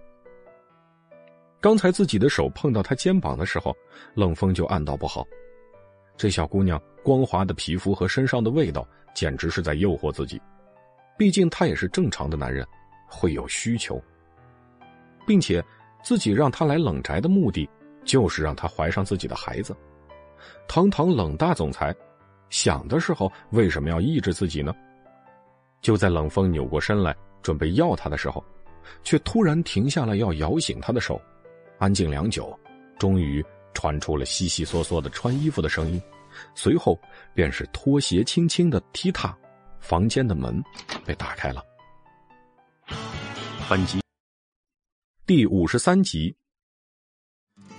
站在门口的女佣，只见房门打开之后，冷风披着宽大的睡袍走出来，便上前询问他需要什么。冷风摇了摇头，吩咐王姨将徐萱萱明天要穿的衣服放到房间去，径直走到自己房间里，关上了门。女佣面面相觑，不知是怎么了。难道是冷少爷和徐小姐吵架了？窃窃私语声响起，直到王一从里屋出来，一众人才安静下来。王姨摇了摇头，示意他们安静些。徐小姐睡得很香，你们不要打扰了她。大家这才静了声，不再说话。第二天一大早，徐萱萱被自己的手机闹钟声音吵醒，迷迷糊糊的睁开眼睛，七点了。翻身坐起来，想到昨晚睡得很香甜，不知道冷大少爷睡得如何。扭头一看，自己身边空无一人。咦，难道起得比我还早？徐萱萱看到自己手边的床头柜上已经放好了衣服，便知道一定是王姨替自己放的。一边想着一会儿要出去谢谢王姨，徐萱萱一边穿戴好，打开房门，朝着浴室走去。洗漱完毕，徐萱萱推开房门，门口站着早已经等候多时的女佣。徐小姐，早餐已经做好了，请到餐厅用餐。徐萱萱微微点头，跟随女佣来到了餐厅，却发现只有自己一个人在。难道冷大少爷已经吃完早餐了吗？速度这么快吗？正巧王姨来到餐厅，徐萱萱甜甜的笑着向他道了早安。顺带感谢了他昨天给自己放好衣服。嗨，这可是大少爷昨晚吩咐我的，还说今天你要是没起床，让我记得叫你起来，不要迟到。此时，徐萱萱一边啃着烤的酥黄的面包，一边想着，可能是太阳打西边出来，一向讨厌自己上学的冷大少爷，竟然会担心自己会不会迟到。话说回来，一大早上就没看到他，人去哪儿了？此时，徐萱萱再次咬了一口金灿灿的煎蛋，不管了，看不见他那张冰山脸，反而更舒服。嗯，王姨，你做的真好吃。坐在徐萱萱对面的王姨看着徐萱萱大口大口吃饭的模样，满心都是越来越喜欢这个小妮子。看看你，一个姑娘，吃饭一点形象都没有，真是该好好的教一教你礼仪是什么。背后响起了声音，徐萱萱用脚趾头都知道是谁来了。余光瞥到了一个高大的身影从自己背后走过来。径直走到了餐厅的主位上坐下来，赫然是穿着睡袍的冷风。徐萱萱看着他有些凌乱的头发以及身上的睡袍，有些疑惑。他不是比自己早先出的房间吗？怎么现在还是一副刚刚睡醒的模样呢？难不成早晨先解决了便便的问题？徐萱萱不由自主的露出了嫌弃的表情，很快就被冷风捕捉到了。你有意见？徐萱萱拼命摇头，这男人抬眉冷眼的模样有些可怕。由于冷风起晚了，今天就由老管家送徐萱萱上学。路上，老管家忽然间开口询问起来：“徐小姐，昨晚和冷少爷不愉快吗？”嗯。徐萱萱先是涨红了脸，她不知道老管家所说的“愉快”是什么意思。老管家见到她红着脸不答话，就知道。这姑娘面皮薄，不好意思说。啊，您昨晚和少爷是发生了什么不愉快的事情吗？比如吵架什么的？徐萱萱歪着头想了想，老老实实的把昨晚的事情简略说了一下。我们话都没有说几句，他就说困了要睡了，于是我很快就睡了。接下来就不知道了，是发生了什么事吗？老管家笑了笑，啊，没什么事情。昨晚少爷突然从你们房间里出来，回到自己书房睡的觉。我这老骨头有点管得多，怕你们吵架什么的。既然没事儿，那就好了。这么说，冷风昨晚不是和自己一起睡的，那他昨天叫自己去跟他一起是为什么呀？既然都分开睡了，为什么不能各睡各的呀？男人的心思还真是难猜。比女人都善变。很快就到了学校，老管家有些抱歉的对徐轩轩说：“今天怕是无法接他放学，因为冷风公司有事情处理，老管家还要打理冷宅，脱不开身。”徐轩轩笑意盈盈的说着：“没关系，要不要少爷的保镖来接你啊？”徐轩轩摆摆手，笑着对老管家说道：“我都这么大的人了。”还能回不去冷宅吗？你们都有自己该做的事情，不能因为我一个人就扰乱了平时的工作啊！老管家点点头，叮嘱他回去的时候注意安全，有事情联系他们，便开车走了。徐萱萱看着车子远去的背影，顿时感觉到连天气都变得无比明朗起来。好不容易才有的能不被冷风支配的时间，自己当然不会选择让人来接他。今天就可以自己回去。想想就很开心。跟老管家道别，徐萱萱来到教室，刚一迈进教室大门，就看到了自己的好闺蜜在第二排的地方冲她招手。知道徐萱萱喜欢坐前排，所以特地帮她占了个位置。徐萱萱刚坐下，齐乐就嘿嘿笑着挤过来。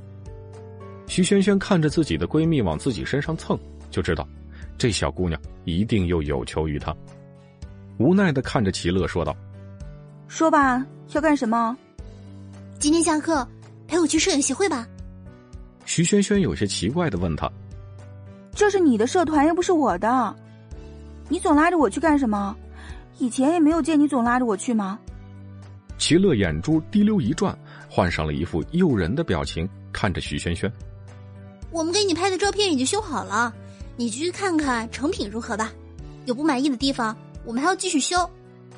徐萱萱有些动心了，而且，这可是以前学长熬夜修出来的成果哦。你不去的话，不就白费了他的精力了吗？齐乐眨眨眼，补充道。徐萱萱看着身边小兔子一样冲自己卖萌的小妮子，终于无奈的应了下来。好吧，好吧，我去就是了。本集第五十四集，见好友答应了自己，齐乐终于如释重负一般，开心的放过了徐轩轩。昨天下午活动结束之后，齐乐的手机收到了社长的短信：“乐乐。”有事情找你帮忙，宜轩见。齐乐一见手机上这几个字，顿时有一种不祥的预感。果不其然，自己刚到这个校内唯一的咖啡馆——宜轩咖啡馆的时候，一抬眼便望见了坐在座位上的穆以贤。见到齐乐，穆以贤展开了一个迷人的微笑。齐乐在看见他这般动人的微笑后，反倒是打了个哆嗦。由于在同一个社团一起工作了两年。这两人的关系已经熟到了，快像是齐乐与徐萱萱了。齐乐知道，穆以贤只要露出这种表情，就是有事情要让他帮忙，没跑了。至于两人在咖啡馆里说了什么，第一件事情，西草信封。齐乐趴在咖啡馆的桌面上，双手求饶：“社长大人，我那次是真的忘记了呀。”面前的穆以贤端起自己面前的蓝山咖啡喝了一口，便嘿嘿冷笑了一声，就知道这丫头粗心大意，原本想要送给徐萱萱的东西还是忘记带了。不过好在自己知道齐乐的秉性，明白他不是故意的，也没有为难他。这次把他叫过来，是为了商量什么时候给他和萱萱制造机会表白。对于穆以贤，齐乐还是很看好的，毕竟他知道。徐萱萱来学校以后，第一个遇到的人便是穆以贤，自己还是通过徐萱萱才得以进入穆以贤的社团。穆以贤身为学长，齐乐和徐萱萱平时没少受他照顾，齐乐能看出来，徐萱萱对于他肯定是不会讨厌的，而且事实上他也挺喜欢这个学长的，不过是哪种喜欢就不一定了。其实穆以贤很早的时候就想给徐萱萱告白，但是齐乐身为徐萱萱的闺蜜，深知自己这个好朋友心思单纯却也倔强，平时最大的爱好就是学习。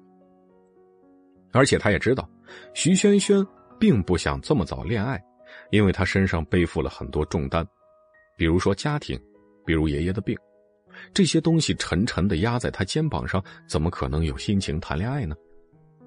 平时徐萱萱的课余时间都用在图书馆和打工的地方，是不会有时间考虑什么恋爱的。当齐乐和穆以贤认识久了之后，他从心底里已经承认了穆以贤，所以平时没少给他助攻。因为穆以贤在得知徐萱萱家里的事情之后，他的反应不是嫌弃，不是看不起，而是心疼。齐乐至今记得，自己在告诉了他徐萱萱的身世之后。穆以贤有些不可置信的看向自己的模样。平日里跟他插科打诨的样子不见了，那时候的穆以贤，眼睛里布满了亮晶晶的痕迹，他甚至有些不好意思的别过头去，不想让自己看到他那时羞怯的模样。但是齐乐知道他要哭了，耐心的等待着面前的穆以贤回来。只见他眼神明显变得坚定起来，他很郑重的对齐乐说道。谢谢你，告诉我轩轩的事情。我现在只觉得，我为什么没有早点遇到他？那样，他也可能不会受那么多苦了。齐乐告诉穆以贤，以他的个性是不会接受困难时别人给予的帮助的。我知道，穆以贤脸上满是柔和的神色。我在第一次遇到他的时候就知道了，那时候他自己一个人拖着大大的行李箱。背着一个巨大的背包走在学校里，那是开学的第一天，很多人在学校门口迎接新生，也有很多人跑去要帮他。我眼见他拒绝了所有人的好意，执意自己一个人搬行李。对啊，我是让我爸妈捎他一段，他都拒绝了。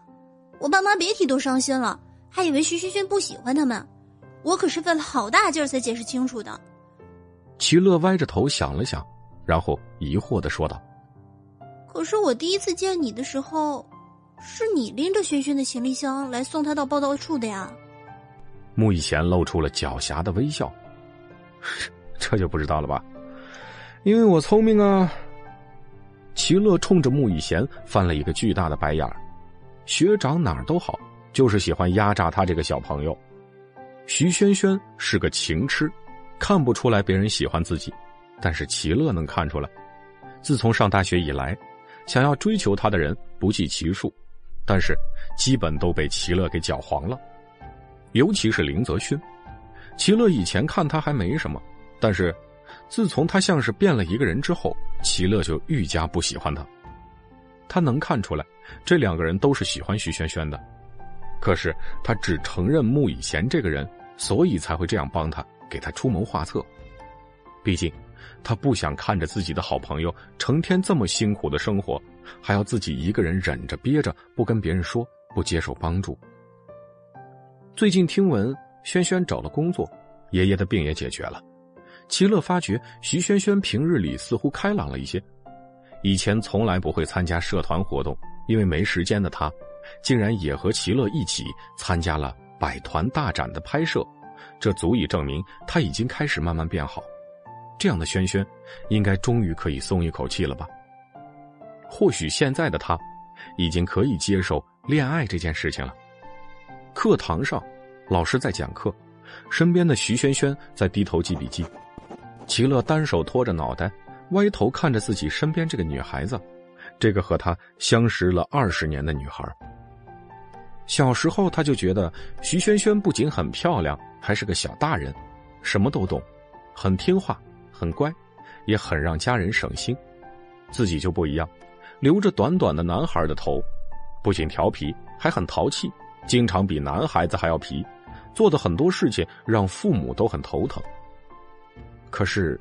徐萱萱没有父母，至少在自己的记忆里，他从没见过徐萱萱的父母。有时候，齐乐会很烦自己的爸妈，因为他们总是要安排自己走他们要求的路。但是想到每次在徐萱萱面前提及自己的父母时，他的眼睛里都会一闪而过艳羡。齐乐知道，上苍不会让每个人都那么完美。漂亮听话的徐萱萱。得不到爸爸妈妈的宠爱，而被父母管教过于严格的自己，还未曾感受过徐萱萱的那种痛苦。只有愿苍天公平，日后这个叫徐萱萱的女孩将会得到她最完美的幸福吧。本集第五十五集，终于盼到了下课铃响，秦乐双眼紧紧的盯着老师。好准备，一宣布下课，就拉着徐萱萱走人。十七周的作业呢，就是绘制一份二到三层建筑物的单层平面图，每层都要按照标准画啊，不标准的我就要扣平时分。双手支在讲台上的老师目光飘到这边，第二排那个梳辫子的女同学，你书包都收拾好了，你什么意思啊？啊，我宣布下课了吗？坐在徐萱萱身边的齐乐嘿嘿笑着。一边向老师眨巴着眼睛，一边怂了吧唧的把刚刚放回包里的课本又掏出来。好了好了，记得下周交实习作业啊！下课吧。讲台上的中年男人看向齐乐这样古灵精怪的模样，也不好再说什么，伸出手扶了扶眼镜，终于宣布了下课。得令之后，齐乐就拉着徐萱萱飞也似的跑出教室，朝着摄影社团的方向跑去。都怪自己昨晚忘记告诉穆以贤今早有课，两人还约定好了要在上午十点就带着徐萱萱去社团办公室。看了一眼手腕上的表，已经是十点二十了。还在上课的时候，齐乐就感觉到自己的手机在书包里边震动不止。然而迫于这个老师的课要求的不是一般的严厉，压根儿不允许学生课堂上使用手机。再加上齐乐坐在第二排老师的眼皮子底下，他就不敢掏出来看手机上是谁。终于挨到下课，齐乐这才发现是穆以贤。这一厮从九点多开始轰炸自己，直到最后一条，还在问是不是路上出了什么问题，需不需要他去救他们俩。可怜的齐乐只好带着徐萱萱一路狂奔。被齐乐莫名其妙的扯住就跑的徐萱萱，连停下来喘息的机会都没有，更别提询问齐乐到底是怎么回事。可是他也只能跟着齐乐一起跑，不敢停下。因为齐乐刚刚拉住他的时候，丢下了一句：“什么都别说，就是跑。”搞得像是被追杀了一样。路过宜轩的时候，齐乐这才停下来喘一口气。都怪这门课上课的教室离着社团办公室那么远，几乎穿越了大半个学校才跑到。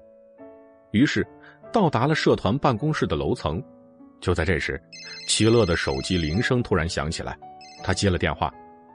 现在吗？我在社团办公室，走不开啊！齐乐不经意间看向了徐萱萱，徐萱萱也注意到了齐乐面露难色的样子，便在一旁小声的说道：“你去忙吧，我这边自己可以的。”齐乐见状，露出了一个抱歉的委屈的表情，随后把头扭过去，又说了几句，便挂断了电话。不好意思啊，轩轩，我突然有点急事儿。徐轩轩急忙摆手，示意没关系，微笑着表示自己去找穆以贤就好，让他快去处理自己的事情。齐乐冲他眨眨眼睛，开心的挥了挥手，转身便走了。目送好友离去，徐萱萱这才转过身，朝着社团办公室的方向走去。刚刚说有事离开的齐乐，却在转过拐角之后突然停下来。转过身，趴在墙上，鬼鬼祟祟的朝着徐萱萱的方向看去。所谓的临时有事，不过是个借口，只是为了给徐萱萱和穆以贤制造单独相处的机会。就连恰到好处的手机铃声，都是齐乐自己把握好时间定的闹钟。直到徐萱萱的脾气的齐乐明白，如果自己在这个时候装作突然有事的样子，以徐萱萱那样不愿意麻烦别人的性格。百分之百会让自己去做自己的事情，这样他就有借口开溜了。果不其然，看来从小一起长大，还是将对方了解的很透彻呀。来到了办公室门口，徐萱萱推开了门。不大的屋子里，只有穆以贤一个人坐在桌子面前，所以显得有些空旷。坐在办公室的穆以贤，则是一直处于紧张状态。原本从小到大。他都是被追捧的一个人，成绩好，性格好，人缘好，这样的男孩子从小到大不愁身边没有女生围着转，但是在感情这方面，他却是个十足的新手。以前有过一段时间的恋情，最终还是以太年轻、不懂事而告终。自从上了大学，身边出现过很多喜欢他的女孩子，可是他却再也没有对谁动过心，直到徐萱萱出现。与身边的所有女孩子都不一样的她，一出场就牢牢吸引住了自己的目光。刚开始还只觉得这女孩子很好玩，很想接近她。然而越到后来，穆以贤便发现自己似乎开始喜欢上了这个女孩。此时此刻，坐在桌子面前的穆以贤内心开始打起小鼓，他一遍一遍的想着早就策划好了很多遍的细节，在脑海里重复着一会儿要如何向徐萱萱表白。时不时的看一眼手机上的齐乐的报告，他离自己越近，就会越紧张。长这么大，还是第一次这样隆重的追求一个人。正对自己的那扇门被推开，一个小脑袋从门缝里边探了过来。学长好。环视一圈的徐萱萱看到办公室里只有穆以贤，便顿时感到轻松了一下，将整个身子钻进来，歪着脑袋冲着穆以贤挥了挥手，打了声招呼。以后不用这么客气的，总是叫我学长学长的，哎，叫我名字也行啊。那都不好啊。徐萱萱进屋之后，发现屋子里摆满了大大小小的各种摄影器材，顿时惊呼一声，蹦蹦跳跳的左摸摸右看看，像个小孩子一样，充满了好奇心。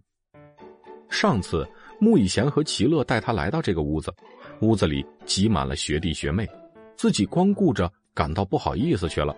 没注意这个屋子的模样，不只是摄影器材，屋子的墙壁上还贴上了许多大家一起去野外摄影的活动照片，以及大家的摄影作品。咦，这不是你和齐乐吗？照片底下的时间显示是去年的四月份，那时候的齐乐还只是一个小部员，穆以贤也只是一个副部长而已。那时候的照片充满了青涩的味道。齐乐的头发没长这么长，倒是穆以贤看上去依旧是那么的引人注目。穆以贤看着他专注的背影，脸上不由自主的露出了微笑。本集第五十六集。这个女孩总是有一种魔力，就好像只要她在的地方就会有温暖和爱。逛了一圈摄影协会办公室的照片，看了个遍。徐萱萱盯着他们的活动照片，感慨万千。这种大家在一起外出郊游活动的感觉，真好啊！每一张照片里，大家都是很有活力的样子，对着镜头的每一张脸，都显示出了一种发自内心的愉快，满满的青春气息，就像是马上能从照片里溢出来一样，那样美好。想来自己似乎从来没有参与过什么娱乐活动。没见过 Z 大大学城外的风景。虽然说奖学金和各种竞赛奖项倒是拿了一大堆，可是总觉得缺了点什么。真羡慕这些孩子呀，不像自己，自从来到大学就只有教室、图书馆、食堂和医院可以去，每天忙得像一只不停旋转的陀螺。徐萱萱说过：“知识改变命运”这句话是他的座右铭。别的不说，最起码自己的成绩好，就可以拿到各种奖学金。这样一来，就可以不用那么辛苦的再去打工赚钱。要不是有冷风给自己的钱，他现在也许已经退学，在凯爵做一个见不得光的小姐，来给自己的爷爷筹备医疗费了。见到徐萱萱已经呆呆的站在照片前，很久没有动静，穆以贤悄悄走到他身后，轻轻的拍了一下他的肩膀。那个时候，他一直隐藏在眼睛中的强烈羡慕涌出来，在那一瞬间击中了穆以贤的心。他知道徐萱萱为什么露出这样的表情，都怪该死的命运，将这种沉重的担子强加在这个女孩的肩膀上，害得这样一个原本应该享受这个年纪最美好时光的女孩，却将时间全部付给了命运，以筹得生存所需要的筹码。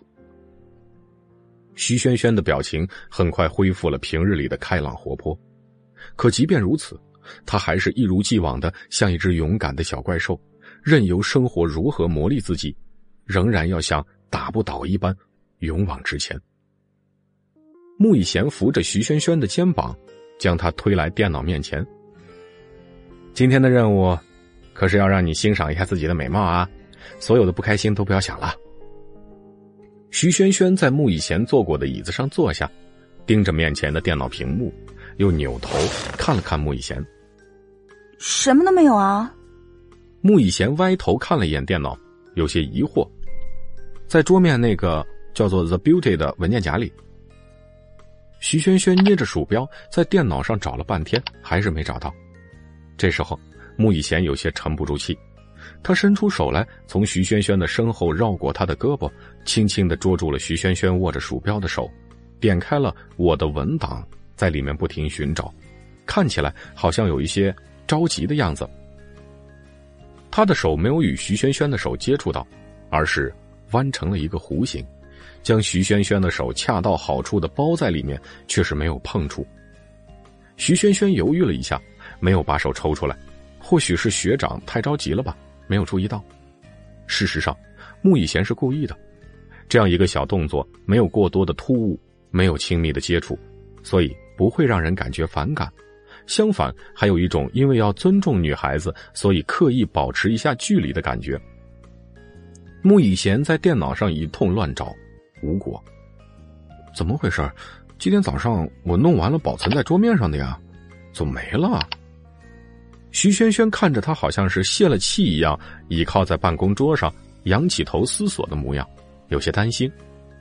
不会是没保存上吧？穆以贤仰头望着天花板，良久，有些丧气的对徐轩轩说道：“我好像真的没保存，原片都没了。徐轩轩目瞪口呆的看着面前的穆雨贤，不像是骗人的样子，顿时有些慌乱了起来。那怎么办啊？嗯，我看看能不能在售后店恢复一下数据吧，也许能找到之前删除的照片。可是，就怕时间来不及。穆以贤捏着下巴，皱着眉说道：“看着他懊恼的模样，徐轩轩也很着急。他知道这次比赛很重要，他不想让以贤学长和社团里的其他小伙伴因为这些意外而和奖杯擦肩而过。想了一下，他突然跳起来：“要不然，我们重新拍一套照片吧？”徐轩轩因为激动而红了起来脸。时间上应该还不少。那没关系，我们重新拍一套，可以的，来得及的。穆以贤的眼睛也亮了起来，但是立马又有些犹豫。啊，这样好吗？都已经占用你的时间拍了一次了，还要占用你时间，有点不好意思呀。都现在了，还说那些干什么？最重要的事情是补救你的照片啊！徐萱萱急得脸都红了。我的什么事情都能以后再说，你这个事情不行，一定要尽快的。啊好，那我们拿了相机就走。见到穆以贤终于答应下来，徐萱萱二话不说，掏出了手机给齐乐打电话。乐乐，你什么时候回来？电话那头的齐乐其实一直躲在门外，幸好自己的手机是静音，要不然就差点露馅了。握着手机跑到了一个没人的空教室，齐乐这才接起电话。嗯，我一会儿就回去了，怎么啦？那你回来的时候带上化妆包，给我打电话。你来帮我一个忙了。齐乐强忍住笑意，他知道穆以贤的计划得逞了。带着一个相机，穆以贤带着徐萱萱来到了前一天拍摄的地方 ——Z 大后湖。虽然是一个在校园里的湖泊，但是 Z 大作为全国闻名的花园式大学，校园环境相当好，学校里的一切景物、建筑。完全不输于外面的一些景点，比如说后湖。后湖有着大片的如茵的绿草，有一排排修剪的美丽的树木，有花丛、长亭，还有清澈的湖。由于环境很好，这里一般都被作为摄影的好地方，或者是情侣们散步的好去处。就在两人即将走过后湖的边缘小亭子时，徐萱萱敏感的鼻子闻到了四周清爽的花香。四月的风吹拂着脸颊，空气中夹杂着越来越浓郁的花香。就在这时，徐萱萱感觉到自己的眼睛被一双身后伸来的手轻轻的捂住。本集第五十七集。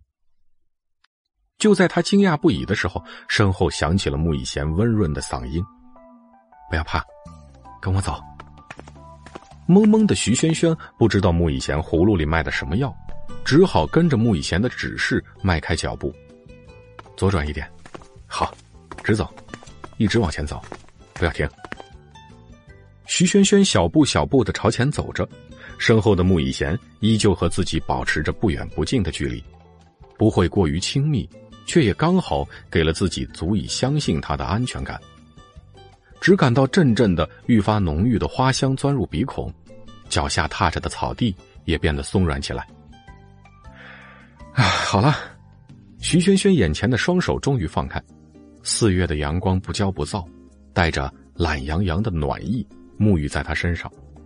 她面前是一片粉红色的花海，大片大片的粉红花瓣顺着自己脚下蔓延到湖边，微风拂过，细小一些的花瓣钻进风里，漂浮在空气中，在四月的阳光下跳着舞，打着旋儿飞走了。满满的新房充满了花香的暖意，看着面前的这片花海，徐萱萱已经惊讶的说不出话来。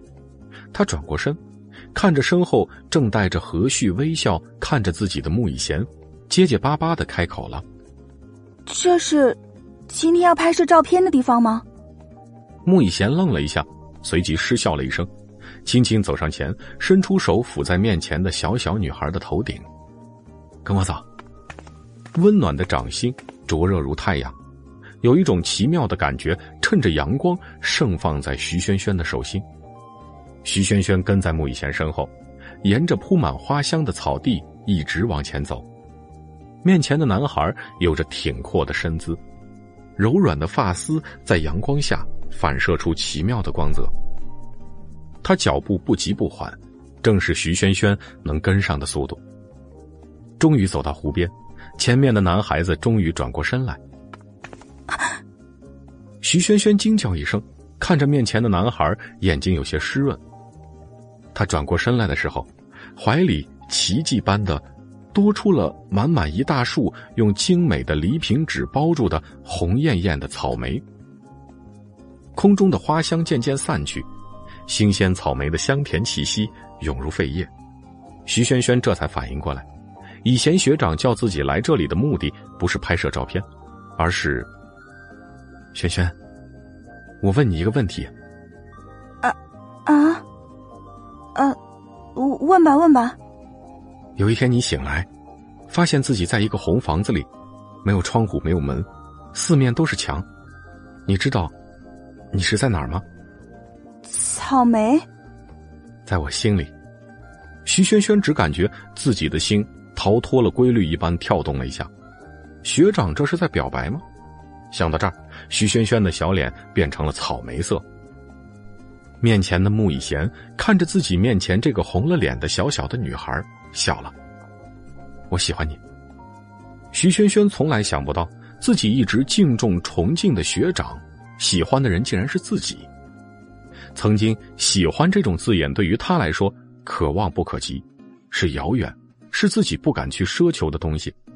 他知道自己不能碰触这东西，因为他没有资格。太早就承担起了家庭重担的徐萱萱，有比同龄人更加成熟的心智，他知道。如果自己不好好努力，一切都没有未来。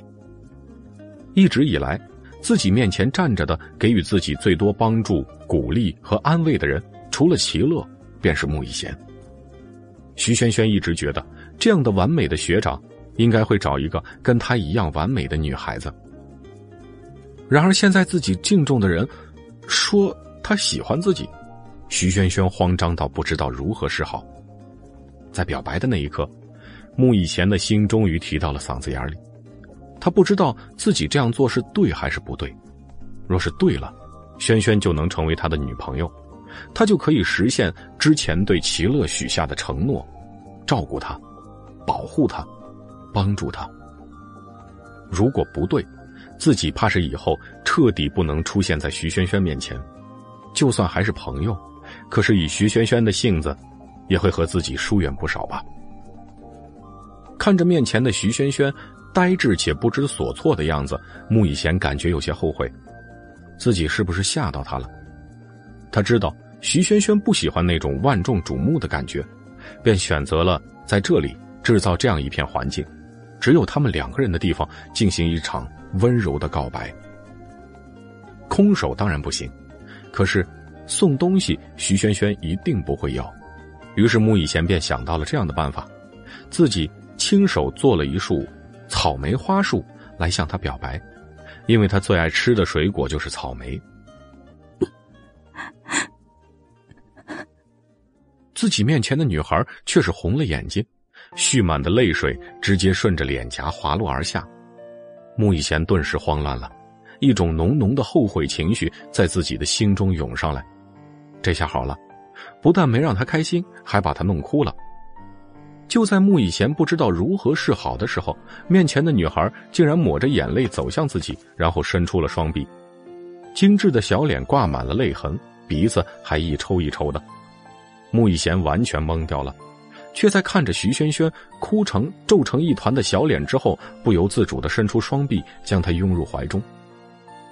穆以贤不敢抱得太用力，轻轻的环住这个女孩，他伸出了没有拿着草莓花束的那只手。拍打着徐萱萱的后背。怎么了？我这么可怕呀？你被我吓哭了吗？徐萱萱一下一下吸着鼻子。学长，我以前一直觉得你是一个特别特别好的人。你那么的温柔，那么的好看，你还很厉害，很优秀。每次我在你面前，我都会觉得自己和你比起来，简直就是一个丑小鸭和白天鹅。虽然后来，我也一步一步的追上来，努力让自己变得更加优秀，更加强大。可是我感觉，自己在你面前，还是当初那个什么都不懂的小孩子。他低着头，绞着手指。你经常想要帮助我。可是我总是拒绝你，真的不是我讨厌你，我只是，我只是不想让我身边在意我的人担心我，就好像我只要表现的自己很强，不需要帮助，就可以变得和你一样强大到让人不敢小看我。你们看到的我，全都不是我真实的样子，因为他很丑陋，丑陋到。我自己都不愿意面对他，所以学长，你喜欢的根本就不是真正的我。对不起。本集第五十八集，穆以贤伸出手，轻轻的放在徐萱萱头顶，叹了口气。都知道啊，他都知道。他胆小。是因为家境觉得自己不配拥有好的爱情，害怕失去，极度没有安全感，他都知道。可是，可是他还是那个会给流浪猫喂吃的，带他们看病，帮助路边陌生人，会对自己身边任何人伸出援手的女孩子，是一个对家人不离不弃的坚强的女孩子。善良是她的本性，她是天使。可是穆以贤没有说出来。他只是微微叹了一口气，然后松开了面前的女孩。人生第一次表白，看来失败了呀。面前出现了一只好看的手，手心里握着一张纸巾。徐萱萱不好意思的吸了吸鼻子，接过了纸巾，擦着眼泪。哎，草莓是送你的，这个就别拒绝了。下次，请我喝一杯怡轩的蓝山咖啡好了。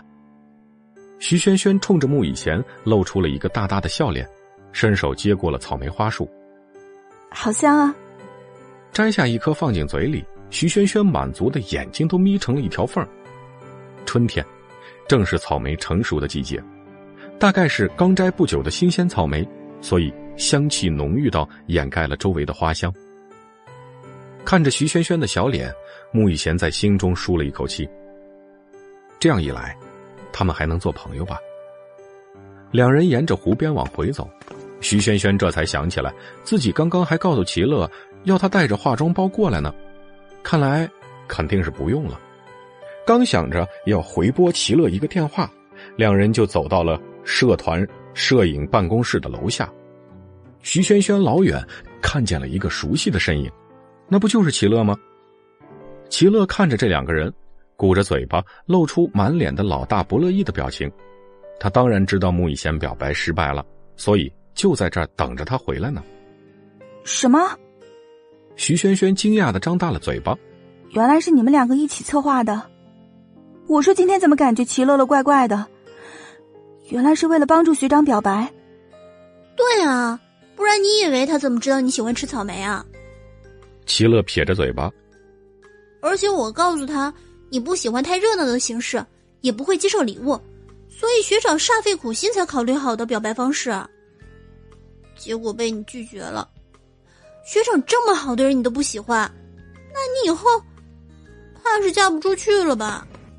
徐萱萱知道自己的好闺蜜是在替自己感到惋惜，但她没有办法，只好无奈的一笑。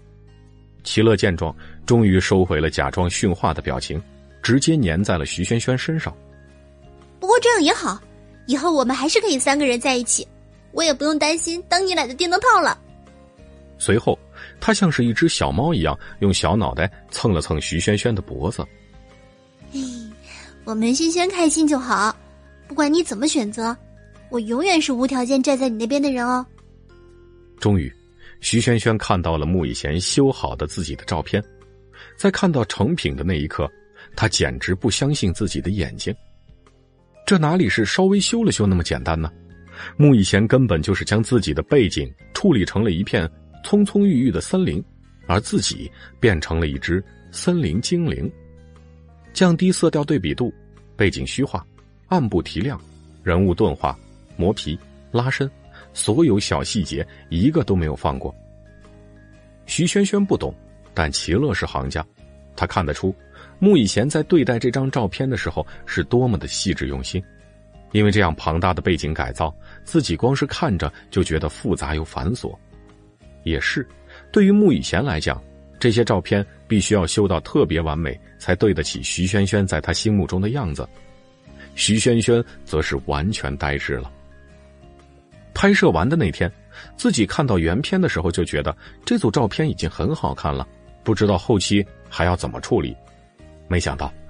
穆以贤直接将照片修成了海报一样完美的样子，心里对他的崇敬又多加了一分。学长，你太厉害了！一边的齐乐啧啧赞叹着，一边放大照片看着细微的小细节。穆以贤露出了和煦的微笑，啊，毕竟是我我们协会的宣传片，有了轩轩的加入，应该会完成的更加出色才行呢。一整个下午，齐乐都黏在徐萱萱的身边。虽然他一直在帮助穆以贤追求徐萱萱，但他也知道，要是他们两个人真的在一起了，那么他们的二人世界就一定不会再有自己的存在。毕竟电灯泡不是那么好当的，一下子失去两个最好的朋友，就是齐乐的开朗性子也不会有多开心的。终于挨到了放学，由于今天冷大少爷不会来接自己，所以。今天自己下午的时间都由自己来支配。轩轩，你不着急吗？不怕工作迟到？徐萱萱笑意盈盈的露出了表情，一把拉住齐乐，便往教室外面走。走，去喝奶茶，我请客。这么久了，自己的闺蜜一直在默默的为自己担心，而且自从住进了冷宅，自己基本上就没有和好友相处的时间，难得有空。自己一定要和他开开心心的待在一起。齐乐见徐萱萱心情很好的样子，顿时也觉得豁然开朗起来。两人一同沿着校园里的小路，朝着奶茶店走去。四月微暖的风吹拂着脸颊，虽然温度还不是很高，但是一路上，徐萱萱已经看到有女孩子穿起了短裤短裙，纷纷露出了自己保养了一整个冬天的白皙的皮肤。树木的新叶褪去嫩黄，已经换上了翠绿的外衣。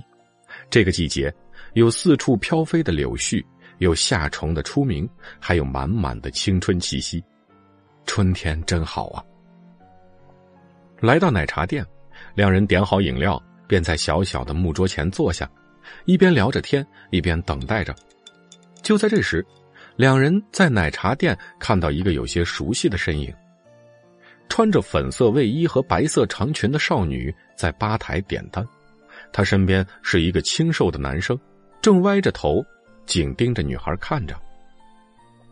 女孩抬起头，像是小小的抱怨了一句，面前清瘦的男生伸出手摸了摸自己的平头，露出了宠溺的笑容。两个人像是从校园偶像剧里走出来的人一样，带着恋爱的甜蜜氛围。周遭都像是冒出了粉红色的小泡泡。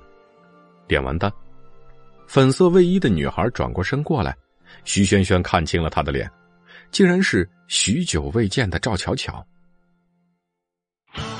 本集第五十九集。此时的赵巧巧与之前在林泽勋身边的模样相比，简直是变了一个人一样。以前看到她。经常是化着浓妆，穿着很成熟的衣服，指甲三五天换一个颜色，头发每个月都和上个月不一样。不论是发型还是发色，虽然都是成年人，这样打扮也无可厚非。而且现在很多小姑娘都觉得这样很潮。可是徐萱萱总觉得那样的她看起来实在是很奇怪，因为别人这样可能会好看，可是她不适合。现在的她。把头发染回了黑色，指甲也卸得干干净净，脸上恢复了正常的清新的模样。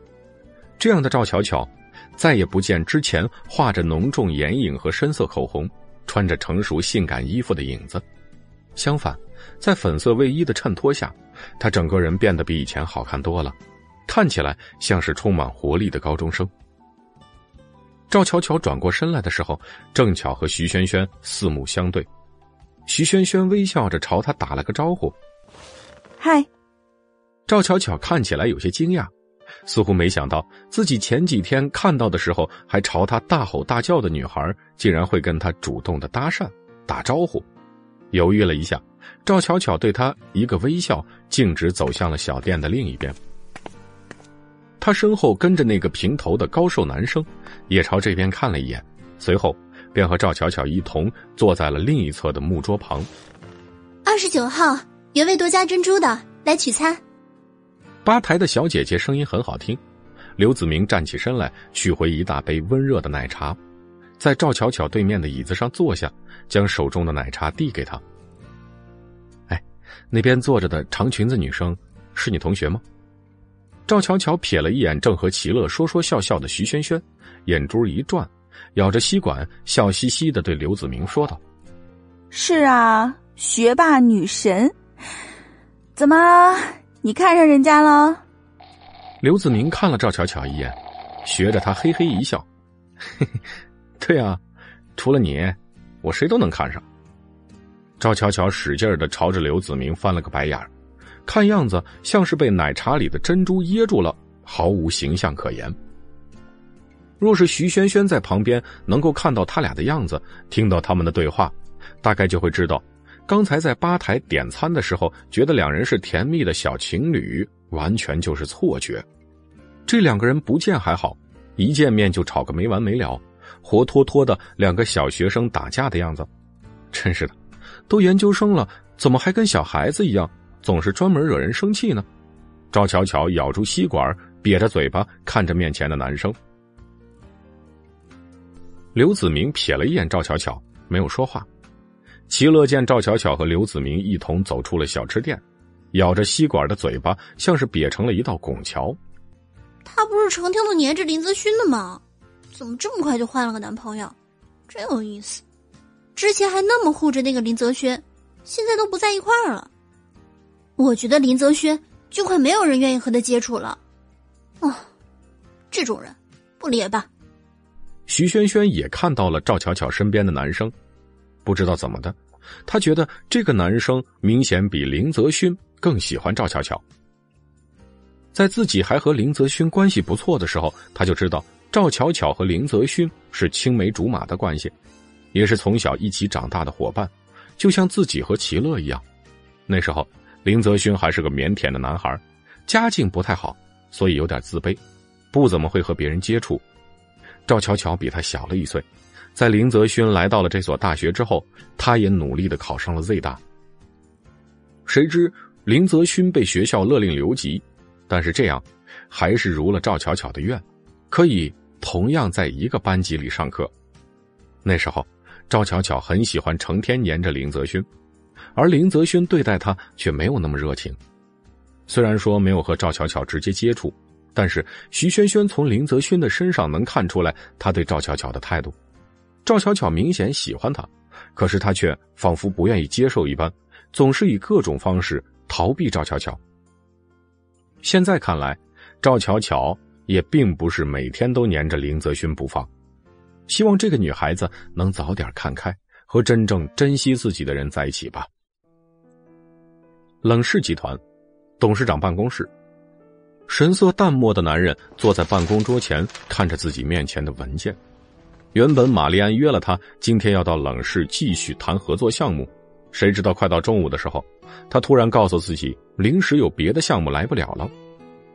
嘿，冷总，突然想起一件很重要的事还没做，所以我们的会谈改到明天如何？接到这样一个电话，冷风不由得皱起眉头，这女人。真当自己是大牌可以为所欲为吗？要知道，像他这样的随时按照自己的心愿改变与自己合作方的行程，很令人反感。要是他真的和什么小公司合作，那他的这般行径，别人倒是也不敢多指责。可是别人会惯着他，冷风不会。在冷氏面前，他也敢这样，那真是只能说他没长脑子。看来玛丽安还是对于冷氏的实力没有了解透彻。难道他以为以他的实力，可以在面对冷氏的时候这般的肆无忌惮吗？玛丽安小姐，你知道你这种行为是什么吗？What？这是毁约。电话那头的玛丽安没想到冷风会这么严肃，顿时有些慌了。他刚想说什么挽回一下，冷冷的声音传了过来：“看来你对这次的合作没有那么重视，那我们的合作就到此为止吧。”玛丽安还没有反应过来，电话里便传来了嘟嘟的忙音，只剩他一个人呆滞的放下了手中的电话。这个冷风，自己美人计使用失败就算了，也许这个男人就是个 gay 或者是个脸盲，看不出自己好看。但是这次是有关商业上的事情，有利可赚的话，冷风应当不会那么冰冷冷的吧？况且真的是自己有事情，想着冷氏应该不会因为这点小事而对他有什么看法。谁知道，这个冷总裁当真是名如其人，一点人情味都没有。无人的酒店房间中，玛丽安狠狠的跺了几下脚，心中恨不得把冷风骂个半死。本集第六十集。玛丽安的公司总部在意大利，现在正准备向中南海布局，于是便选择了港口城市 Z 市。原本以为经过自己的诱惑，冷氏很容易和自己合作，谁想到现在居然变成了这个局面。自己的公司好不容易在 Z 市落下了脚，想要如何再次发展，结果。碰上了冷氏这个明显的地头蛇，任自己在国外发展的有多好，在这里却只能乖乖的寻求冷氏的帮助。玛丽安郁闷的看了一眼手机，看来只能用这个办法了。拒绝了玛丽安的合作请求。原本应当在一起谈合作的冷风，此时也难得清闲，突然想起自己给老管家吩咐的话，今天原本没有人去接徐轩轩。但是自己眼下没有什么需要处理的事情，看了一眼手腕上的表，正巧快到徐萱萱下课的时间，站起身来，冷风拎着自己的西服外套走出了办公室，刚推开门就看见了端着茶水准备上楼的秘书长季安慧。冷总，你要去哪儿？今天还有和戴文小姐的面谈呢。见董事长一边穿着外套一边准备下楼，季安慧忙叫住了冷风：“不用见面了。”冷氏拒绝了和他们的合作。冷风一边等电梯，一边淡淡的说道：“我出去一趟，有什么重要的处理文件放在我桌子上就行。”齐乐和徐萱萱在小店里坐了许久，彼此聊着天，喝着奶茶，直到太阳已经变成了夕阳，才恋恋不舍的站起身来准备分别，将齐乐送到了寝室楼下。徐萱萱这才朝着校门外悠哉悠哉的走去。没有冷风的管束，世界真是太美好了。走在路上的徐萱萱突然想到今天的建筑理论老师布置的实习作业，她这才想到自己还没有电脑这件事情。没有电脑，根本就没办法画图。以往的作业都是在图书馆的机房完成，但是眼下这个时间，机房肯定早就被人占满了。徐萱萱懊恼的捶了一下额头，自己竟然忘记了这么重要的事情。这也不怪他，今天一天发生的事情太多，一时情绪起伏，就把作业的事情忘得一干二净。徐萱萱想了想，冷风那里一定有电脑的，可是自己压根儿都不想管那个大冰山借东西，能不接触就不接触。思索良久，徐萱萱决定去学校外面的网吧，先把作业完成再说。绕过正门，徐萱萱直接从学校的侧门。走到了网吧、台球、苍蝇馆子一条街，钻进一个看起来没有那么多人的网吧。徐轩轩找了一个离窗户最近的地方，远离了四周吸烟的人群，这才坐下开了机。等待开机的时候，徐轩轩看了一眼手机，时间已经不早了。想了想，他给老管家打了个电话，告诉他今晚要晚一点回去，因为要在外面完成作业。电话那头的老管家没说什么。嘱咐他注意安全，便挂断了电话。豪车上，冷风坐在驾驶座，朝着 Z 大的方向开去。他没有告诉徐萱萱自己去接她。突发奇想的他想要知道，这个小妮子在没有任何准备的情况下看到自己，会是一个什么样的表情？大概是惊吓吧。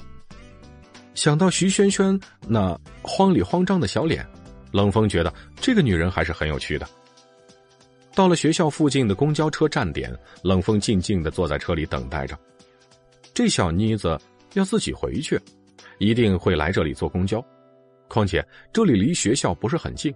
他应该不会觉得车子停在这里会很张扬吧？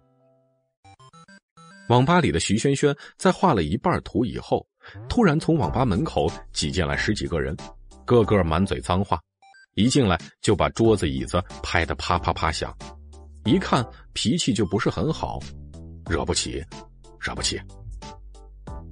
哎呀妈的！终于找到个位置多的店了，走走走走走，开机去，开机去。这么十几个人要在一起上网。怪不得别的网吧会没有地方。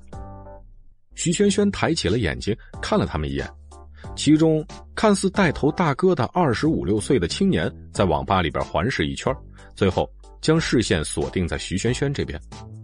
徐萱萱恰好跟他四目相对，赶紧低下头，他装作什么事情都没发生，盯着自己的电脑屏幕，心里却祈祷他们别来这边坐。但是自己的余光瞟了瞟。全网吧里就他这边有很多连着的空机器，他暗道不好。果然，一众人刷完了身份证，径直走到了徐萱萱所在的区域。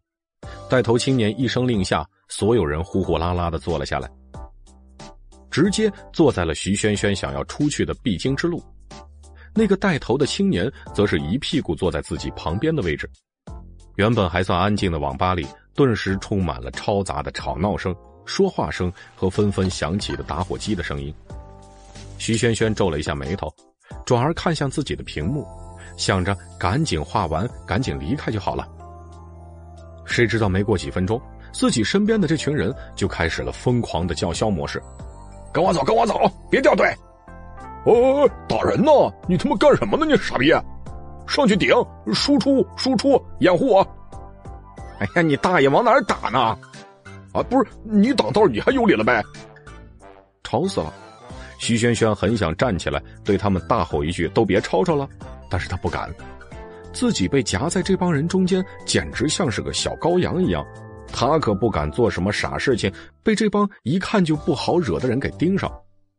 用力的晃了晃脑袋，又画了几笔的徐萱萱终于忍不住了，他呼一下站起身，准备关机走人。